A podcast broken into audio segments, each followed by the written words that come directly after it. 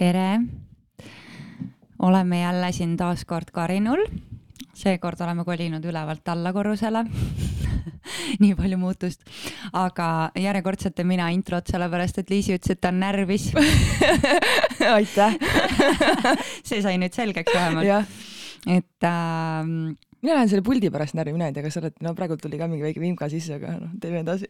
noh, eks meil on lihtsalt selles mõttes äh, alguse asi ja, ja, ja ega siin eelmise saatega tegelikult, olgem ausad, heli oli päris nagu kehv ja eks see võttis ka väikse võbina sisse, et tagasiside oli natukene selline, et saad, saadet nagu kiideti, aga heliga oli niimoodi, nagu ta oli ja siis äh, eks see võtab ka nagu väikse võbeluse vaata sisse, onju. no meil oli see teema, et me istusime Pamelaga põrandal maas ja siis me seal kuidagi aelesime nende migrite otsas ja rääkisime juttu, aga nüüd me teame, et me ei tohi kuskil põrandal aeleda, me peame ikka laua taga istuma. ja, ja eelmise korra nagu imelist vastuvõttu me nagu teile story desse või kuskile piltide peale nagu ei pannudki, aga see oli nagu väga äge vastuvõtt meil hommikul, et meil oli äh, siis äh, täis äh, taimne magustoit ja soolane söögipoolis nagu lauale hommikul pandud, äh, kui me sinna kohale jõudsime, kamin põles mm -hmm. ja noh, see oli nagu see oli nii armas nagu, et äh, siiani aitäh Pamelale ja Lootusele nagu, et nad meid niimoodi vastu võtsid, see oli väga tore ja lähme siit edasi selles mõttes, et ähm,. täna meil on saade kahekesi, sest kuna meil on oma saade ikkagi, siis me võtsime selle õiguse õiguse lihtsalt äh, pläterdada natuke omavahel ka. ja me mõtlesime Liisiga, mis teemal me räägime, aga siin saatuse tahtel, ütleme otse saatuse tahtel ja pärast me räägime, mis saatuse tahtel. me räägime täna lastest mm -hmm. ja lastega igasugustest äh, happening idest ja võib-olla rõõmsamatest hetkedest, võib-olla kurbamatest, kurvematest hetkedest, et äh, et hakkame siis nagu pihta, et äh, Liisi kõigepealt tutvustab oma lapsi. jaa eks nad ongi head parad happening'id, aga ja mul on ju Herman, Herman sai juulis kolm ja Liiskren sai eelmine kuu üks.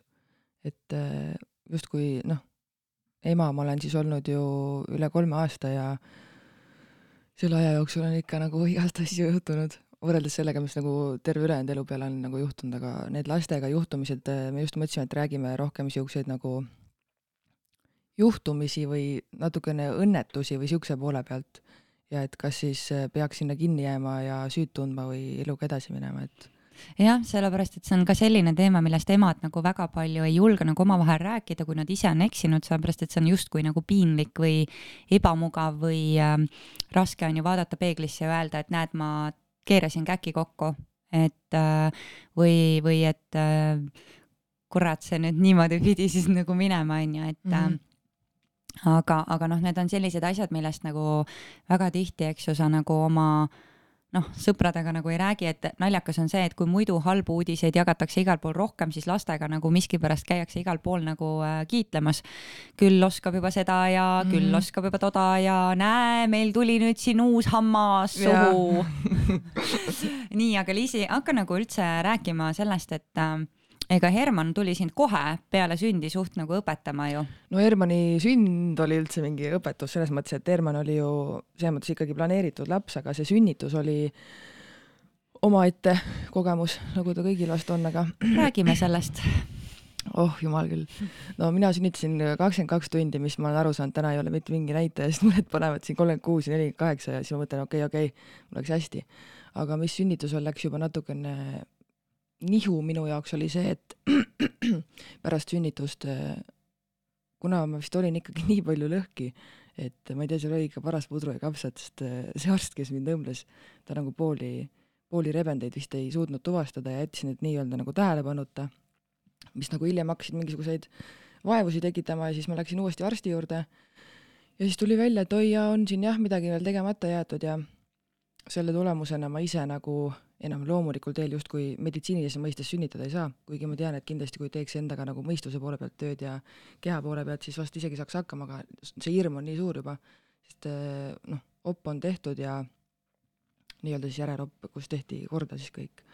et, eh, et eh, selle poole pealt juba see sünnitus oli omaette ooper, pluss veel see, et Herman kolmandal elukuul, kui me läksime arsti juurde, sai oma nii-öelda kaitsepoogimised kätte, aga sealt edasi läks nagu kuidagi kõik nii allamäge ja kui me jooksime siin viie kuu jooksul ikka mööda haiglaid ja kiirabisid vahelduva eduga ja justkui ei saanud abi kuskilt või ei saanud aru, mis siis nagu toimub, siis lõppude lõpuks Tallinna Lastehaigla EMO-s üks arst julges nagu öelda, et ärge seda last rohkem vaktsineerige, et tal on vaktsiinikahjustus. et see oli nagu see esimene õppetund üldse, see suur õppetund, et äh, mina ise saan ainult vastutada enda lapse eest, mitte see, et ma käisin kogu aeg nagu mööda haiglaid lootmas, et äkki nüüd nagu keegi aitab ja siis ma käin seal kiirabis ära ja siis ma saan korda, aga ma vaatasin, et ma ei saa ja ma ei saa, kas ma käisin Tallinnas või ma käisin Tartus või ma käisin Paides, et ma ei saanud nagu, ma ei saanud abi, kõik läks samamoodi ikkagi edasi. ja siis lõpuks äh, mina nüüd äh,, mina, mitte mina, Hermanil on kaks vanemat, meie otsustasimegi, et Herman sealt kolmandast elukuust ühtegi seda kaitsesüsti ei saanud. Ja võtsingi vastutuse ise, et kui ongi haige, siis pean ise nagu hakkama saama, mitte siis ei lähe kuskile nii-öelda abi paluma ja olen siiamaani tui-tui-tui saanud ka. et noh, see Hermani vaktsiini jama, see oli nagu see esimene pauk, aga sealt jälle hakkas kõik nagu lahti rulluma heas mõttes, et ju ta siis tuli mind õpetama ja ja tore, et ma sain nagu nii vara jaole, et ma sain aru, et see ongi üks õppetund, tuleb nagu vaadata, mis selle taga on ja aga räägi meile nagu selles mõttes täpsemalt, et kuna mina olen sinu sõbranna, mina tean, eks ju, seda story't nagu selle taga, aga ähm, mida see vaktsiinikahjustus, noh, räägi kuulajale, mida see nagu kaasa tõi endast, et inimesed võib-olla, kes kuulavad, võib-olla keegi tunneb midagi ära siit, on ju, et võib-olla kellelgi on siit midagi võtta, et mismoodi see nagu avaldus? no Hermanni avaldus niimoodi, et tegelikult juba pärast teise elukuu eh, seda rotavaktsiini, vaatasin, nahk on nagu kahtlane, et läheb niisuguseks nagu laiguliseks ja kuivab ja siis ma küsisin arsti käest, et eh, mis asi see nagu olla võib? Ja ta ütles, et ei, et see on nagu okei okay,, et eh, väikestel lastel ongi, nahk on äh, õrnem ja kui pesed seal mingi kareda veega, et siis lähebki nahk kuivaks ja ei ole siin midagi, aga selleks hetkeks, kui me kolmandal elukuul siis jõudsime sinna arstikabinetti uuesti, et saada see kuuikvaktsiin pluss siis veel teine rota, siis äh, ta oli nii kärnas juba, et ma küsisin arsti käest, kas siis on nagu mõistlik midagi üldse peale teha või, ütles, et ei, ei, et see on jumala tavaline ja normaalne, et teeme ära.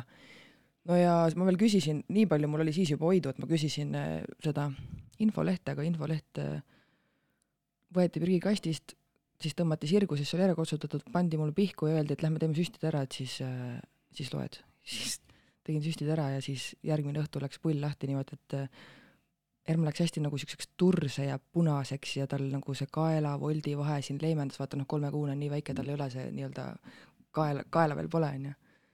vaatasime Igoga, et mis asi see nagu on, et vaatad seda last ja siuke tunne, et noh, ta on nagu nii õnnetu, siuke tunne, et kuradi sureb kätt ära kohe noh. ja siis me läksime Paidesse no siis hakkas mingid allergiasüstid tehti seal ja see tõmbas nagu maha korraks ja järgmine päev läks kõik uuesti nagu edasi, et Herman oli lihtsalt, oli kärnas, turses, punane, ajas nahka. Ei maganud lisaks kõigele, kahekümne minuti kaupa magas öösel ja päeval.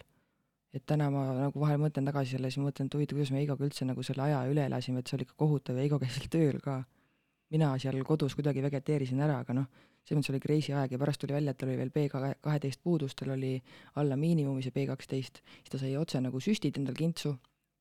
sealt läks nagu ka see pool paremaks, pluss siis hakkasin ise nagu seda lõpuks pärast neid haiglas käike ja kiirabides käike hakkasin ise nagu siis äh, lahendama seda probleemi, et hakkasin organismi puhastama ja meie saime abi homöopaatiast. et kes kuidas, mida proovib, et äh, ma lihtsalt nägin, et äh, et mingi asi siin on ja ma tean, et mul oli see aeg ju see blogi Maakas pajatab ja kui ma sinna kirjutasin sellest loost, siis mul oli postkast täis nende emade pilte, kelle lapsed nägid täpselt samasugused välja pärast täpselt samu vaktsiine. täpselt sama kärnas, leemendasid, ajasid nahka, ei maganud, röökisid, punased, onju. Mõtlesin, et see ei ole nagu see, et okei okay,, Hermanil juhtus üks miljonist, vaid see, see on nagu suht tavaline. ja siis jah, siis kuidagi sain ta korda ja kaheksand-, ma mäletan väga hästi, et kaheksandast elukuust ta magas oma toas, oma voodis terve öö ja ta polnud kärnas enam ja kõik oli korras, et see jah, kolmandast kuni kaheksanda elukuuni sinna vahele jääb siis viis kuud ja see oli nagu sihuke aeg, et äh, ma nagu midagi mäletan sellest ja midagi ei mäleta, et see oli täiega, täiega sihuke udu sees elamine et ma, ma mäletan seda, arvatavasti mul oli ka sünnitusjärgne depressioon, ma ise arvan, ma, ma ei käinud kusagil seda diagnoosimas, aga ma ikka mitu korda päevas, Heigo läks hommikul tööle ja ma mõtlesin, et ma lähen kuuri ja tõmban ennast oksa. aga mul nagu vist ju siis vist ikka nii tuksis ei olnud, sest ma ei, läinud sinna kuuri, ma vaatasin sinna kuuri poole iga hommik, kui ma kohvi keetsin, mõtlesin, ma lähen sinna. tõmban ennast akna, ma ei jõua enam, sest oled nagu, vaata, kui sa oled nii väsinud, siis äh, su aju ei tööta enam, sa oled nagu deliiriumis, niisugune tunne, et sa, sa ei saa enam nagu ümbritsevast maailmast aru, sest nii magamata. ja see mure on nii suur nagu lapse pärast. siis ma mõtlesin ka, et, et hästi suur oli mul see süütunne et miks ma ei uurinud, mis seal nagu, mis seal lause sees on, mida neile nagu nii-öelda süstitakse. miks ma ennem seda infolehte ei lugenud, et seal oli kõik see kirjas, mis Hermanni peal nagu avaldus. kõik, kõik oli lihtsalt kirjas. See atoopiline nahk ja mingid lööbed ja allergiad ja see kõik oli seal nagu olemas ja kurat, ma ju küsisin veel, et oleks ma saanud ennem lugeda seda, ennem süsti, ma oleks enda lapsevõtjat ära läinud. aga vot äh, iga asi on millekski hea, see jubedus oli ka millekski hea, sest noh, täna ma vaatan nagu teise pilguga ja uurin palju rohkem ja, ja noh, Liis Kren, kes on üle ühe aasta, tema ei ole täna nagu ühtegi süsti saanud ja ma näen, et tal on närvisüsteem korras, ta magab, ta on rõõmus, ainuke asi, mis temaga oli, olid koolikud, aga minu jaoks, minu jaoks ja minu arvamus, minu tunne nagu, minu tunne see koolikute puhul on see, et need ei ole nagu gaasivalud, sest no ma ei tea, kas gaasivalud hakkavad iga, iga päev sama kellaaeg, see on nagu veits kahtlane, aga mulle tundus just, et see on nagu lapse närvisüsteemi ebaküpsus pluss see, et äh, vanematevaheline nagu mingisugune teema, et noh, Eigoga justkui kõigest saab rääkida ja kõik oli okei okay,, aga ma tundsin, et noh, niisugune, me justkui kumbki pidasime oma võitlust üksinda, et nagu koos tiimina me ei, me ei osanud seda asja ajada, et tema põdes oma nurgas kuskil, käis tööl edasi, temal oli raske, tema oli magamata, mina olin oma nurgas, et mulle tundus, et see tuleb sealt, et me ei, me nagu ei, sel hetkel me ei suutnud nagu see tiim olla, et me saime küll hakkama ja toetasime teineteist, aga see tiibim teema seal nagu oli ära ja siis ma nagu nii tajusin seda, et, et see laps justkui kas ta siis nagu väljendas seda läbi enda või siis ta tõigi koolikutega fookuse nagu endale, et te peate nüüd tiimina saama koos hakkama siin.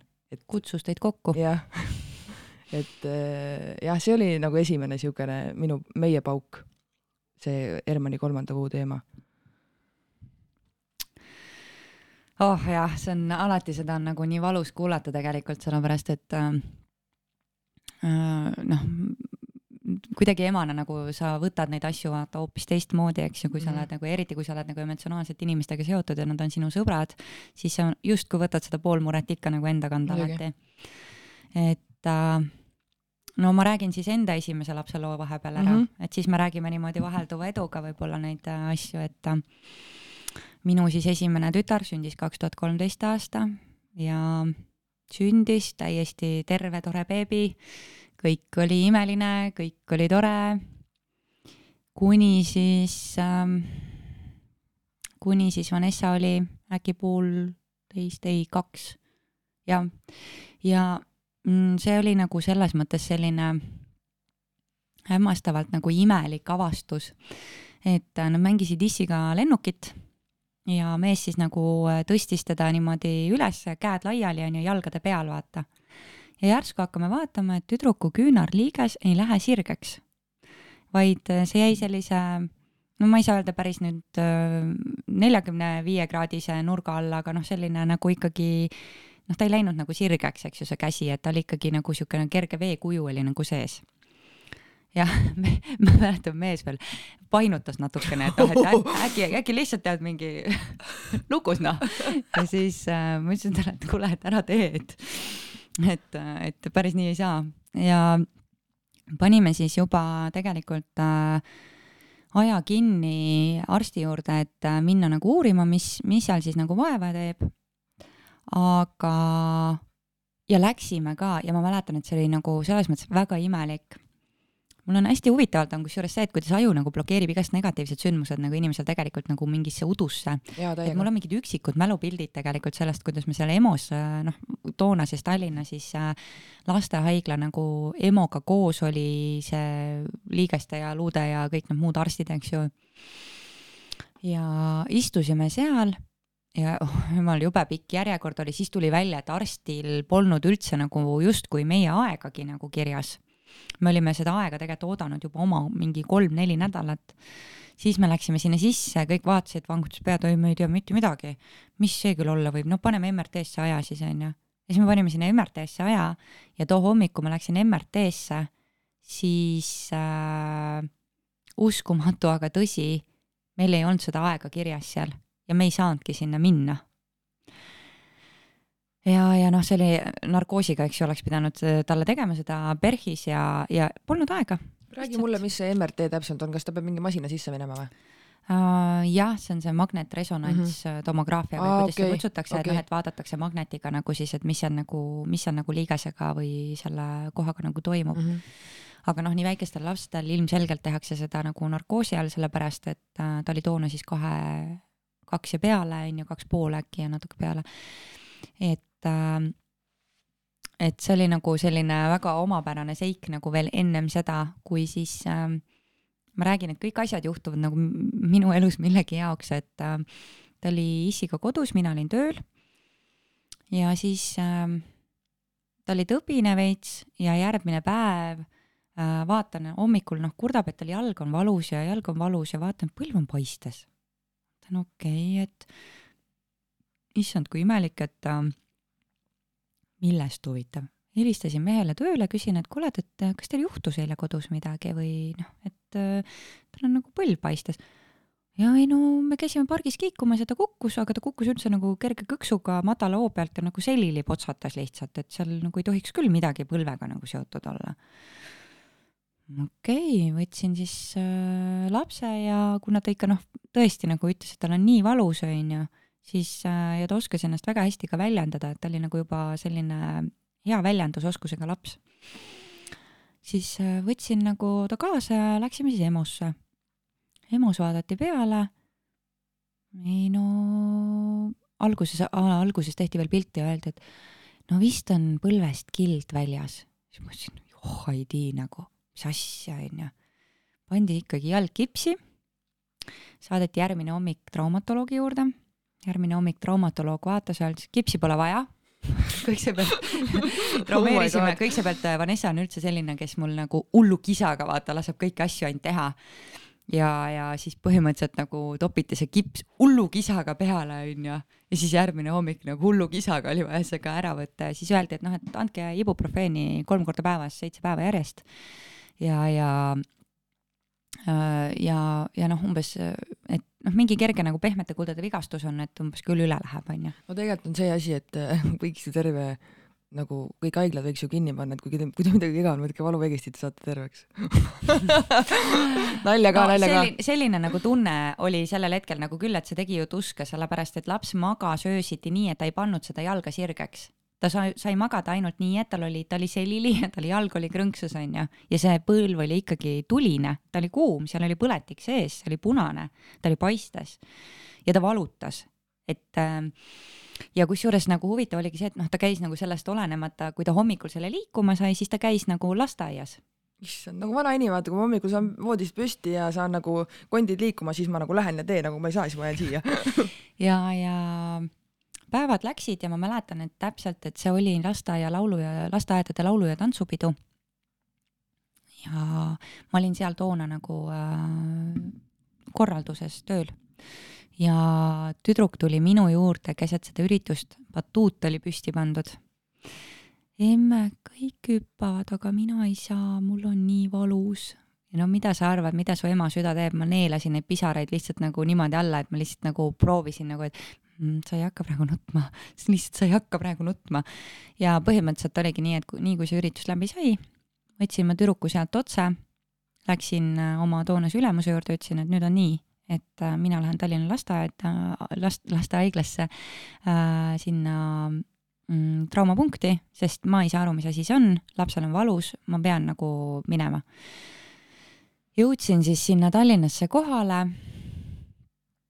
läksin sinna sisse ootasime ära, tehti pilt jälle, vaadati, aga siin ei ole ju traumat. ja sellel hetkel ma lihtsalt tundsin, kuidas mu vererõhk lihtsalt lendas lakke, ma ütlesin, et teate, ma olen väsinud sellest, et kõik ütlevad, mis asi see nagu ei ole. palun leidke siis põhjus, mis asi see on. ilmselgelt tal on ju valus, te näete, et tal on pahasti.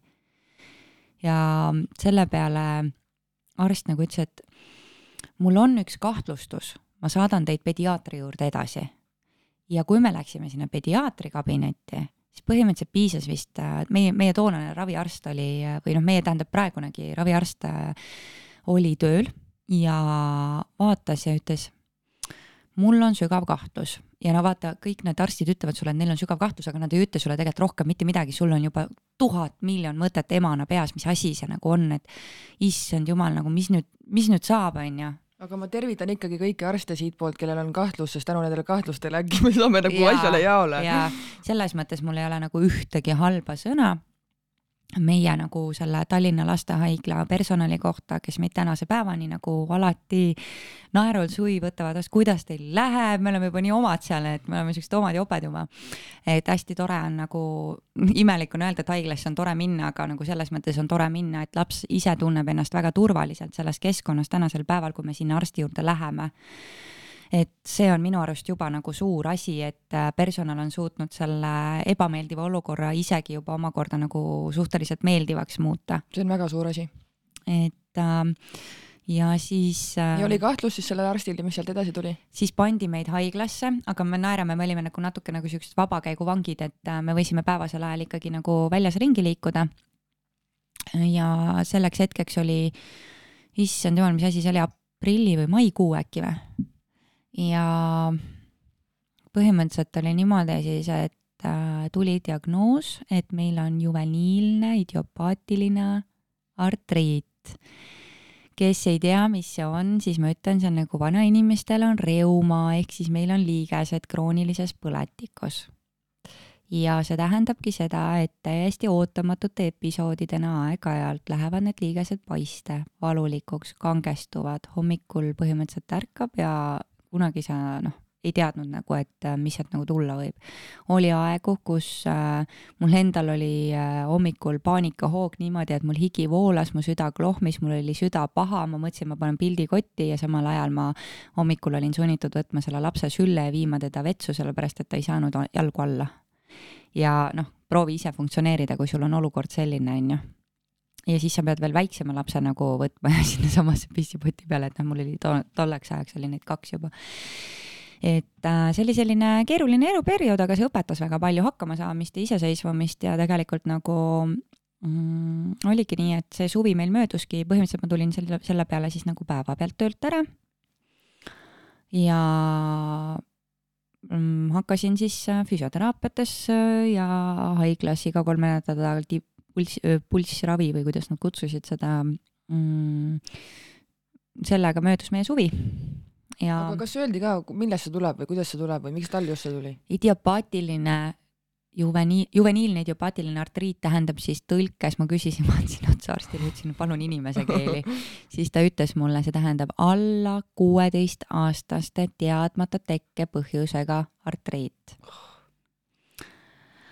et ähm, sünnitasin nagu terve beebi ju vaata mm. -hmm aga noh, eks mul on omad kahtlused, kust see nagu alguse sai, et kindlasti võib-olla geneetiline mingisugune äh, alatoon on nagu ka, et kuna peres on ikkagi nagu liigesehaigused nagu sees ja noh, eks siis äh, kahtlustus, minul ei ole mingeid kinnitusi, aga kahtlustus lasub mul täpselt nendele samadele põhjustele nagu sinul mm. -hmm.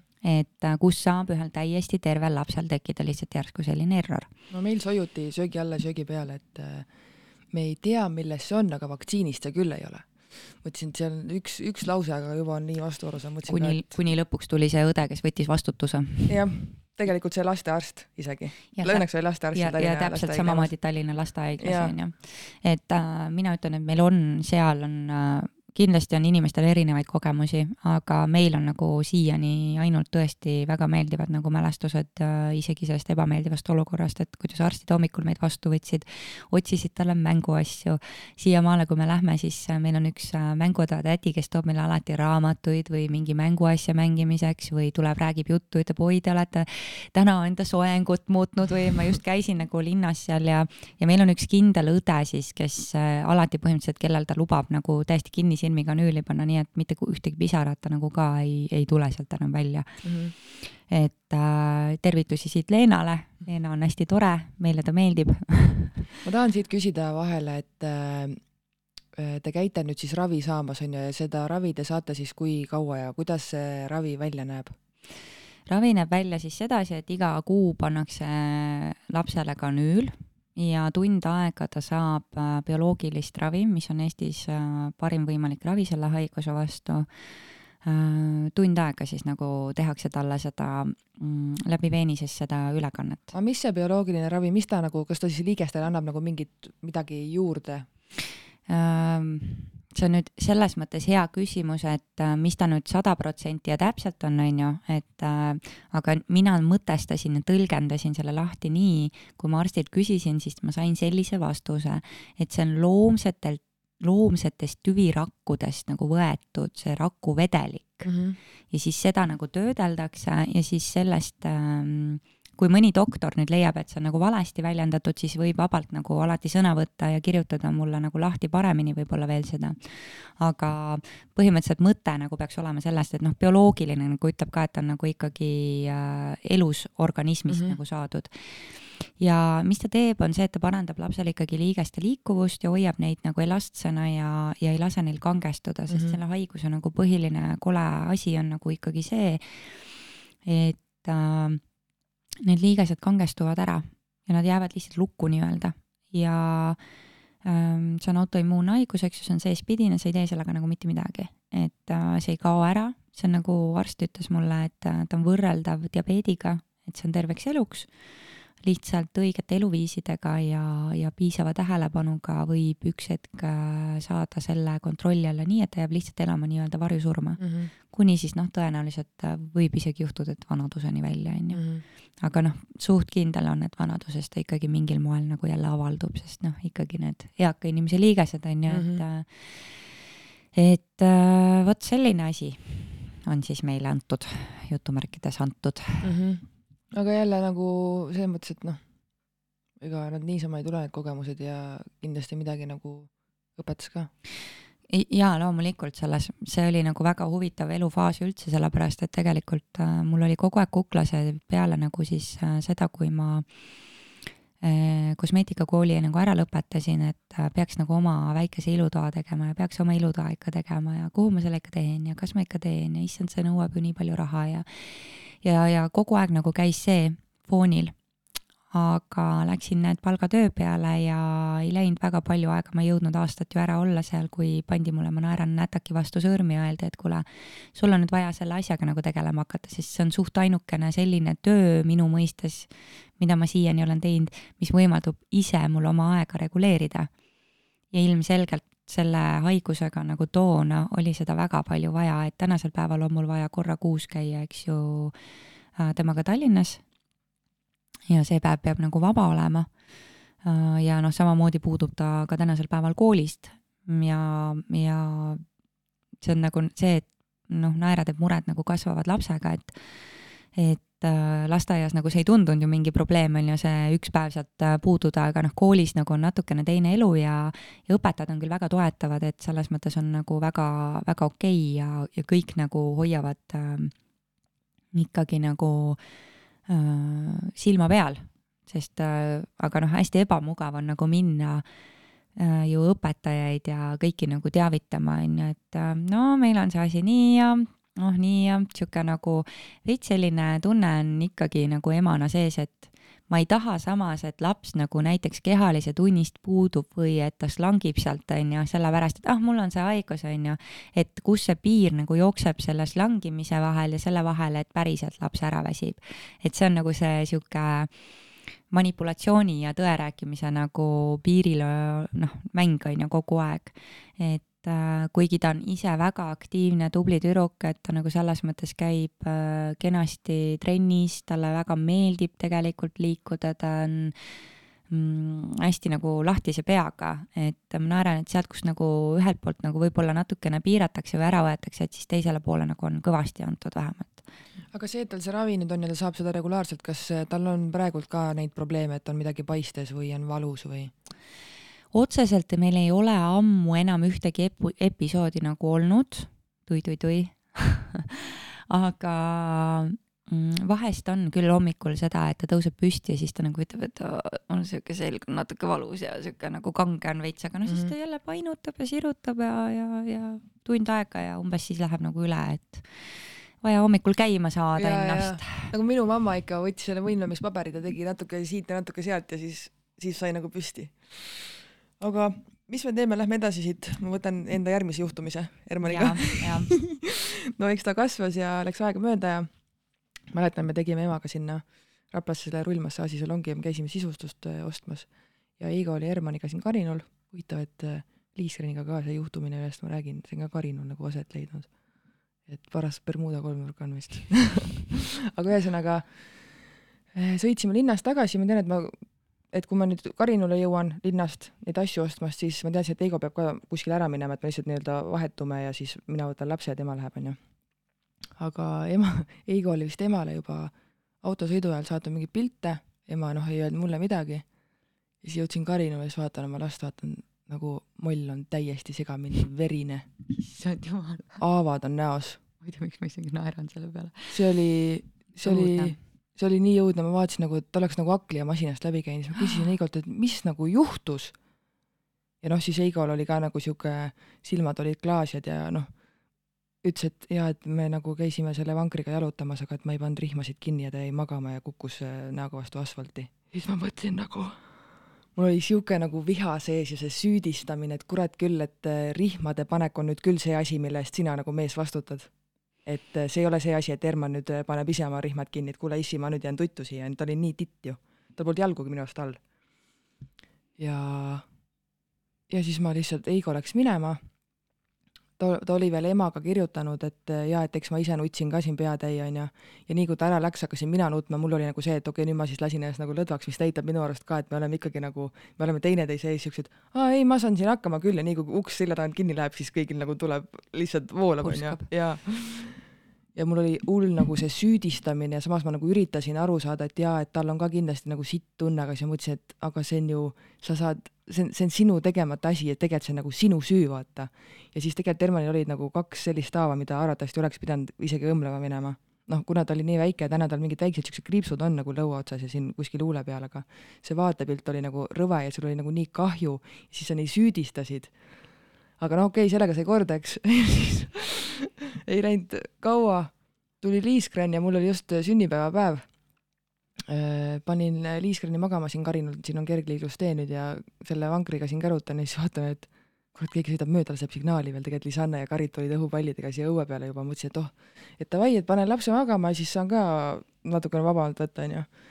ja vaatasin, et Liiskrani taha nagu magama jääda, kas palav oli või mis värk on, polnud nagu õiget tunda ja ma olin pannud juba vank-, käru nagu lamavasse asendisse. ja siis saate aru mis ma tegin tõstsin tal siis selle seljatoe üles, aga tal jäi käsi selle kaare ja seljatoe vahele. küünarnukist niimoodi kõverdatult jäi käsi sinna vahele, vaatasin, noh, mis seal ikka, et noh, korra võib-olla väänas midagi välja või korra kisas, aga siis ta jäi magama ja õhtul ta oli meil terve aeg niimoodi, et äh, siis ta veel ei käinud, ei kõndinud nagu. ta oli terve õhtu meil niimoodi nagu õues, et oli kellegi süles või ta kiikus või ta istus oma toolis, onju, et ta nagu ei olnud käpuli, et ma ei näinud seda nagu hetke, mida ma nägin siis hommikul, et ma läksin, võtsin ta voodist välja ja panin ta nagu maha roomama ja ta ühe käe peale ei toeta. vot, vot siis ma nagu mõtlesin, et oli mul vaja ilkuda Eigo kallal siis, kui Hermann oli moll lõhki, et mida ma nüüd ise tegin, murdsin ise oma lapse käeluu ära nagu. sellepärast, et no mis tegelikult põhjus on, täpselt ma nagu väga hästi kõrvutan seda Hermanni äh, näo lõhki kukkumist ja Liisgreni käeluud, fookus on ära mm. -hmm. mina olin mõtetega, et oh, saaks juba sünnipäeva tähistada, Eigo kindlasti mõtles, et see, kus ta sinna minema pidi, et noh, ta oli juba seal mõtetega, sest noh, kui sa kohal ei ole, siis juhtuvad asjad, kui su fookus on kuskil mujal ja mõtted on kuskil mujal, siis juhtuvadki, siis see jura nagu tulebki. ja siis eh, noh, ma läksin, olin üksinda siin Karinul üleval, võtsin selle liiskriini voodist välja, vaatasin, okei okay,, et ta ei toeta selle käe peale, mul käis nagu tuhat mõtet, okei okay,, käel on murd, või siis no äkki tal on ikka käsi kange, et ta nagu no hakkad nagu otsima, et ta nagu välja vabandama, et ei, ei, et äkki tal läheb ikka üle, siis täiega nagu vaidled endaga peas.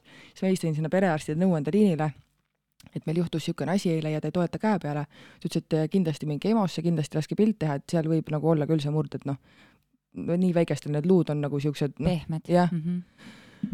ja noh, jube raske oli mul nagu tulla siis alla ja öelda, et kuulge, et ma pean vist Liisgreniga EMO-sse minema, et midagi on nagu valesti, onju. kuule no,, ma vist murdsin oma lapse käe. jaa kuigi ta oli maganud terve öö, ta oli rõõmus, aga lihtsalt ta ei toetanud selle käe peale, onju. et jube rõve oli siis nagu nii-öelda Eigole silma vaadata, et äh, vaata, ma eksisin ka. et nagu nüüd ma saan sinust aru, mees, kui siit tunne sul oli. Et mul on praegu seesama tunne, et ma, see on ju see, mida mina oleksin saanud vabalt ära hoida, aga ma ei, ma ei teinud seda. sest ma olin mõtetega kuskil mujal juba. nagu nii loll õnnetus, vaata, aga samas nagu noh, see kahetsus, et nagu kurat, kuidas ma ei vaadanud. siis nüüd on iga kord, kui ma selle seljatoega midagi mässan, siis on niisugune tunne, et nagu kutsud kümme inimest ümber, et vaadake, et tal nüüd see käsi sinna ei jää, et ma nüüd hakkan tõstma seda seljatuge ja läksimegi EMO-sse ja siis Heigo tuli meile järele, lapsel oli käsi kipsis, ta lihtsalt vaatas mulle otsa, ta ei öelnud mitte midagi, lihtsalt lihtsalt vangutas pead ja siis ma sain nagu aru, et jaa, et ma eksisin ka, vaata, aga oleme sõbrad edasi, et ära mind niimoodi süüdista, nagu mina sind, sorry, vaata. Aga ei, käsi sai, nädalaga oli terve ja kõik sai korda, aga aga see, sellest süüdistamisest, enda süüdistamisest ma seekord sain nagu väga kiiresti üle, sest ma nagu tegin endale selgeks, et jah, see on minu viga, see on minu süü, see juhtus minu pärast õnneks ta on väike, õnneks tal paraneb see kiiresti, õnneks tal ei olnud hullu, et äh, tal ei teinud see nii palju valu, et oleks röökinud siin hommikust õhtuni, onju. et see paraneb ära, kõik saab korda ja see aeg läheb mööda. aga noh, see, need päevad, kus ta siis äh, nii-öelda kobistas ja kolistas oma kipsiga mööda seda maja, siis ma vaatasin küll nii kahju ja mõtlesin, kurat, see on ju minu tehtud, mina olen ju selle teinud. Sorry nagu Liis-Gren, täiega sorry, aga no see oli nagu, see oli nii jube, et äh, aga mul on täiega hea meel, et ma jõudsin ise sinna, et ma sain aru, et see läheb mööda, see juhtus, ma olen süüdi, aga ma ei, ma ei hakka siia nagu kinni jääma, ma ei hakka nagu seda süüd nüüd võtma kaasa igale poole, et issand, mis ma ikka tegin ja blablabla bla, bla, et see läheb mööda, nad saavad terveks, kõik on okei. Okay jah, sellest tegelikult olgem ausad, laps oli elus ja, ja terve ja tegelikult äh, täiesti funktsioneeris ja kõik ja. oli okei. Okay.. et lihtsalt äh, sellised lollid õnnetused mm, -hmm. et äh, noh, lähme siit edasi siis või? jaa, lähme edasi, mine, mine sina enda selle jah, mis, mis, mis okay., mis see ajendas meid täna nagu tegema seda sellel teemal uh,? jah, keskmise lapsega õnneks mul mingit happening'i, ma nüüd, ma nüüd, ma ei tea, kurat, mina ei telli seda praegu et ähm, uh, ühesõnaga temaga on nagu selles mõttes hästi läinud, et uh, tal on ainult uh, olnud igasuguseid noh, igasugused siuksed tavalised laste haiglus, haigused võib-olla on pisut nagu raskemalt läinud, et äh, noh, kõik mingid gripid ja oksetõved ja asjad on nagu sellised nagu, mis noh, tuulerõuged olid sellised muidugi Amandal, et äh, äh, tema siis sündis kaks tuhat seitseteist on ju, meil on kahe lapse vahe on kolm pool aastat, tegelikult on kõigi kolme vahe kolm pool aastat täpselt ja põhimõtteliselt Amandaga nagu tuulerõugeid põdes ta küll niimoodi, et ma põhimõtteliselt valasin talle lõpuks see briljantrohelise lihtsalt pähe. sest äh, õnneks tal ei olnud ka juukseid. aga ta lihtsalt nagu, tal ei olnud seal, ta ta pea nägi välja nagu kuppelmaastik Lõuna-Eestis, nagu seal ei olnud lihtsalt mitte ühtegi kohta, kus ei oleks olnud punne uh. -huh ja, ja, ja samal ajal, eks ju, see tüdruk, kes mul vanem tütar nagu, sellel oli mingi neli täppi ja that's it onju mm -hmm., polnud palavikugi ja kusjuures me olime just mandliopilt tulnud temaga nii et selles mõttes oli see nagu ka jälle selline loll olukord või loll nagu koht, et me sisuliselt nagu saime haiglas tuulerõuged endale mm. -hmm. ja siis tulime koju ja siis noh, Amanda jäi nagu nii raskelt, et üks laps hakkab sul just taastuma nagu opist ja kõigest onju ja siis teine lihtsalt nagu paugutab kolmkümmend üheksa palavikuga neli ööd onju, siis oli lõpuks küll siukene kuradi kooma, et ma lihtsalt nagu seisin püsti ja ausõna peal ma lihtsalt nagu mõtlesin, et see ei ole võimalik. Ja siis mõtlesin, see on ju võimalik, sul on lapsed. aga siis mõtle selle peale, et sul oli neli ööd, mul oli viis kuud jaa, ma järgmine kord tuletan. siis tundus see köis nii ahvatlev seal kuuris naljaga öeldes no musta huumorit peab elus ikka tegema. aga ühesõnaga jaa oh. oota, ma kogun ennast kaks minutit, enne mm -hmm. kui ma mhm. sellest äh, rääkima hakkan, miks me täna selle tegime mm. -hmm. värske värk. see on värske värk, see on väga värske värk. Kuupäev oli viisteist üksteist, esmaspäev, sellel samal nädalal, mis me praegu salvestame. ja hommik algas nii nagu tavaline hommik, et äh, väljas oli ilus härmas kõik ja ja mees oli just eelmine õhtu koju tulnud ja isadepäev oli ja kõik oli super tore ja hästi nagu naljakas ja lõbus ja lapsed seal hullasid isaga ja kõik oli, kõik oli fantastiik, noh. ja esmaspäeval siis hommikul vaatasime lihtsalt seal väikest ämmaemandate sarja ETV-st ja mu lemmar. vaatasime jah, sünnitavaid naisi ja koos mehega, sest ta kahel sünnitusel pole kaasas käinud, eks ta siis elab seda nüüd läbi. ja siis äh, mm, otsustasime, et lähme õue. ja läksime õue ja, jalutasime maja kõrvalt ja, ja mulle tuli telefonikõne. Võtsin selle telefonikõne vastu, sest poiss läks isiga koos nagu noh, sahkerdas seal edasi midagi ja ja noh, mainin ära, et mul väike poeg on siis aasta ja kohe varsti kolmekuune, et äh, sahkerdasid isiga sinna puid tooma ja kahjuks selle puu ähm, kuuri kõrval on tiik. ja see siis äh, päädis sellega, et senikaua, kuni mina telefoniga rääkisin, siis, siis äh, abikaasa läks äh, tuppa puid ära viima ja noh, see oli silmapilk, on ju, ja kui ta sealt välja tuli, siis ta lihtsalt röögatas ainult äh, poisi nime ja pani sinna tiiki. ja see hetk oli selline, kus äh, ma keerasin ümber ja ma vaatasin sinna tiigi poole, mu aju registreeris ära juba, et see on juhtunud, laps on kukkunud sinna tiiki. ma ei teadnud, kaua ta seal olnud on, ma ei teadnud nagu rohkem mitte midagi peale selle, et ma lihtsalt, jalad hetkeks tardusid kohale, siis ma karjatasin lihtsalt telefoni, et ma ei saa rohkem rääkida, viskasin selle telefoni, ma ei tea kuhu, kus kurat. hiljem selgus, et ma olin täiesti viisakalt ta taskusse endale kusjuures suutnud veel panna. aga noh, ma jooksin, tormasin sinna kohale, ma haarasin juba noh, käed niimoodi värisesid, et vaevu haarad nagu telefoni kätte, sest poiss ei olnud meelemärkusel mees äh, tiristas sinna kaldale, pani ta külili.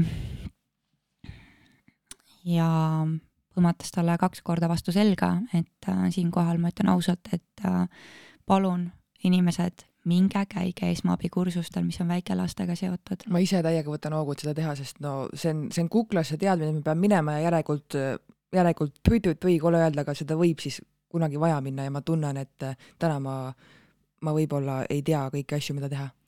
jah, et ähm, õnneks ta hakkas kohe köhima, ta sülitas selle vee välja ja, ja hakkas karjuma, mis on nagu ülipositiivne, et kui laps nutab, siis lapsega tavaliselt on tegelikult -hmm. hästi. Äh, ja, ja ta võttis ta sülle ja me läksime ruttu tuppa ja noh, loomulikult äh, mina ulgusin niimoodi nutta ja olin sellises šokis, et mul olid endal sellised vapped, aga mu aju ainult nagu kogu aeg vuristas, et ma pean ruttu need riided ära saama ja ma pean ruttu ta sooja saama ja ja ruttu-ruttu ja siis ma rapsisin seal ja, ja mees üritas nagu veel rahustada mind, ma ei tea, kuskohast ta selle jõu veel võttis. ma arvan, et lihtsalt šoki pealt võib-olla ta ise ka nagu mm, ja ja võtsin ta sülle ja hakkasin siis teda nagu soojendama Liisi kallas kohvi vahepeal lihtsalt. et äh, ja, ja hakkasin soojendama, aga kogu aeg kuklas käis ikkagi nagu ka mõte, et äh, ma ei tohiks vist äh, päris niisama teda nagu järelevalveta, noh, selles mõttes järelevalvet, et ma ei kutsuks kiirabi või ei läheks ise kontrolli nagu jääda, ma ei tea, miks, ma ei tea, kuskohast see info nagu mulle tuli, aga kuskilt see nagu tuli minuni, et äh, nii, niisama nagu see siia koju ootama ma nagu ei jää sest kuskil poole silmaga kunagi ammu, ma ei tea kuskohast, olin ma lugenud sellist asjast nagu teisene uppumine. Ja see võib tulla alles kakskümmend neli tundi hiljem, on see siis, kus hingamisteed on ärritatud kõikidest nendest igasugustest bakteritest ja sellest äh, tiigiveest nagu, et äh, ja kuna see käis ikkagi ju sealt süsteemist ilmselgelt läbi, sest äh, ta oli juba seda vett sisse tõmmanud, siis äh,, siis ma otsustasin, et ma lähen EMO-sse ja läksin EMO-sse ja noh, seal oli nagu selles mõttes ikkagi järgmine šokk, et äh, noh, kõigepealt me andsime oma ninaproovid ja kõik asjad ära, on ju, ootasime seda koroonaproovi vastust ja siis äh, tuli arst, istus maha ja ütles, et äh,, et äh, ütles ka, et et ma ei tea, kes teid hoidis nagu, et tavaliselt uppumise nii, nii-öelda need uppujad või uppumise õnnetused nii õnnelikult, et lapsel ei tekiks hapnikupuudust ajus, et tal ei tekiks ajukahjustust, et ta ei jääks ikkagi voolikute alla või et tal nagu noh, mingeid tüsistusi nagu ei, ei teki, et, et ei ole, et ma ei tea, kes teid hoidis aga. no ma kujutan praegult ette, et see võis olla paari sekundi küsimus juba sa mõtled, te jõudsite õige, siis kui te sinna teda välja sealt tõmbasite? ma ta oli seal olnud äh, kindlasti rohkem kui paar sekundit. ei, aga ma mõtlen, et teil, teil oli sekundite mäng. ja, ja, ja, ja, ja. üks-kaks sekki ja võib-olla oleks olnud. teistmoodi jah ja., see oli selles mõttes äh, ma, ma lihtsalt olen nagu selles mõttes elu suhtes nagu praegu väga alandlik ja väga tänulik, ütleme nii mm. -hmm. et ja miks see juhtus, täpselt nagu sinu õnnetused on juhtunud, fookus on mujal mm -hmm. ja sellel päeval ma sain väga mitmetest asjadest väga järsult nagu aru ja ütleme ausalt, et see oli selline õnnetus, kus lihtsalt äh, sul äh, vaatasin aknast välja, kui ma see Mattias seal süles magas ja, ja, ja mõtlesin, et nii, siit me nüüd siis nagu nii edasi absoluutselt ei lähe. ja tänasest päevast see asi, mis siin kodus toimub, see kõik muutub ja ma ei tea, mis asi see nagu muutub siis, aga noh, kuskilt see mingisugune teadmine nagu tuli, et äh, mitte midagi ei ole enam nagu samamoodi. et ähm, see oli äh, ah, ja siis noh, haiglas okei okay, on ju, arst pani meid haiglasse sisse, et minu jaoks oli see nagu järgmine šokk, et nagu miks haiglasse, et noh, et tal on ju kõik korras.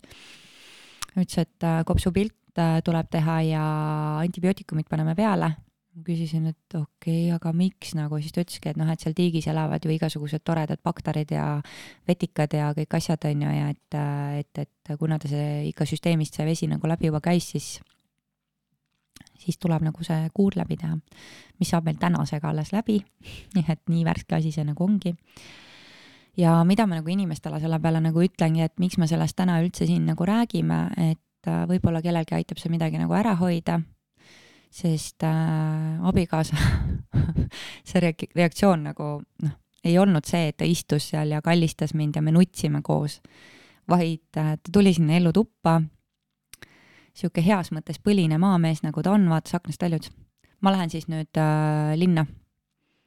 ja ma vaatasin talle nagu ainult otsa. ma nagu teadsin, mida ta nagu ilmselt nagu ütleb, aga, aga vaatas otsa, ütles ma lähen ostan need aiapostid ja selle aiavõrgu ja hakkan siis sinna aeda nüüd ümber ehitama. ja noh muidugi ma olen nagu tänulik selle üle, et see nii lõppes ja ma olen ka tänulik selle üle, et mul on selline mees, kes oma kätega võtab kätte ja ehitab sinna selle aia ümber. ja, ja, ja kuidagi väga alandlikuks elu suhtes tegi kogu see olukord, et äh, kõikidest õnnetustest, äh, mis on olnud lastega seotud või või kõik nagu igasugused olukorrad, äh, see vaieldamatult selline olukord, kus ähm, mm, see on ootamatu ja äkiline. See on äh, sellise nagu äh, emotsionaalselt äh, ema ja, ja isa jaoks ikkagi selline põnts, et sa nagu ei kujuta üldse tegelikult ette, isegi peale seda, isegi kui kõik lõppes nii hästi, sa ei kujuta tegelikult ette, kuidas sa sellest nagu vaimselt veel nagu välja tuled, sest äh, olgem ausad, see pilt nagu kerib silmade ees tegelikult päris tükk aega ikkagi ja, ja see alalhoidlikkus või see hirmutunne mingisuguste muude asjade ees on tegelikult ka, eks ju, praegu nagu nii foonil. et ma küll tegelen sellega enda sees, et see vabaks lasta, sellepärast et ega see ka mitte midagi head ei too, kui sa kogu aeg kardad midagi, on ju, ja hirm, hirmus üle pabistad, et siis sa just tellid endale juurde kogu seda asja. aga põhimõtteliselt jah, see on nagu see põhjus, miks me täna tegelikult siin istume ja kõikidest nendest asjadest räägime. aga mida ma emadele nagu ütleksin selle peale, on ka see, et seesama nagu see süütunne. et loomulikult ma tundsin ennast süüdi sellel hetkel, aga kui ma pärast nagu mõtlesin, siis äh, ma sain aru, et äh, see oleks võinud olla ka ükskõik mis muu olukord ja see oleks päädinud ikka samamoodi, sest fookus on endiselt mujal mm. -hmm. ja, ja seda lõputult nagu seda ennast süüdistada selles kõiges, noh, seda ei tohigi nagu teha et sa pead selle ikkagi nagu vabaks laskma, sa pead selle vabaks andma, et see juhtus, see oli, sa registreerid selle, sa kindlasti jälgid rohkem ja sa saad aru nagu, et selliseid lolle õnnetusi annabki vältida sellega, kui äh, ei ole kodu juures kas veesilma või on noh, mis iganes äh, neid totraid asju nagu, mis tekitavad nagu siukseid ahvatlusi on ju, kaevud, ma ei tea, mis asjad nagu iganes veel on ju. et äh, et või, või kui, kui need asjad nagu on, siis need tuleb lihtsalt teha nagu laste jaoks nagu turvaliseks, laste mm -hmm. pärast nagu. üks mure vähem.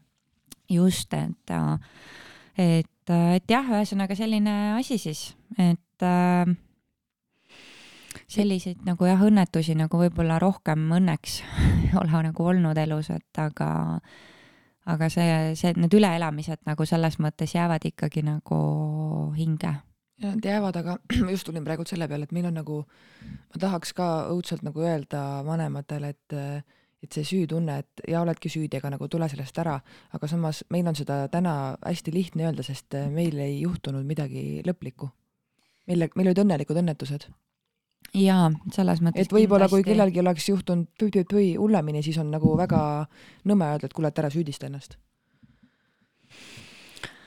jah, selles mõttes, et see on ka selline nagu noh, ükski vanem ei taha näha, et tema lapsed lähevad ennem kui tema ise, Mm -hmm.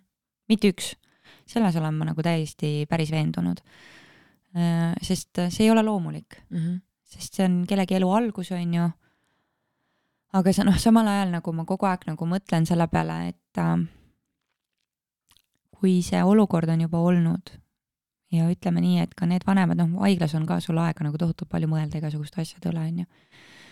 ja, ja, ja ma mõtlesin kusjuures selle peale, et need vanemad nagu, kes on kaotanud oma lapse, et kuidas nad nagu toime tulevad ma olen alati ka mõelnud seda, ma ei, ma ei kujuta ette.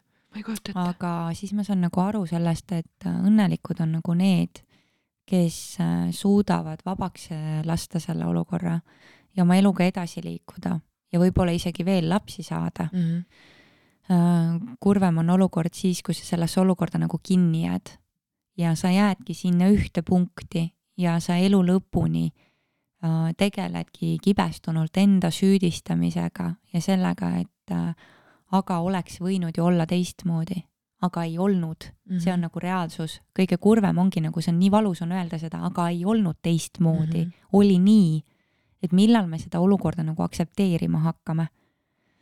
et äh, kindlasti ma soovitaks nagu kuskile professionaalsesse kohta nagu pöörduda sellega ja mm. -hmm. ja hakata nagu tegelema selle, selle olukorraga, sest ega üksinda sealt välja nagu ei rabele, isegi, isegi mina tänasel päeval, kui see lõppes nii, ma tunnen, et mul on vaja minna ja see kuidagi endast välja saada Mm -hmm.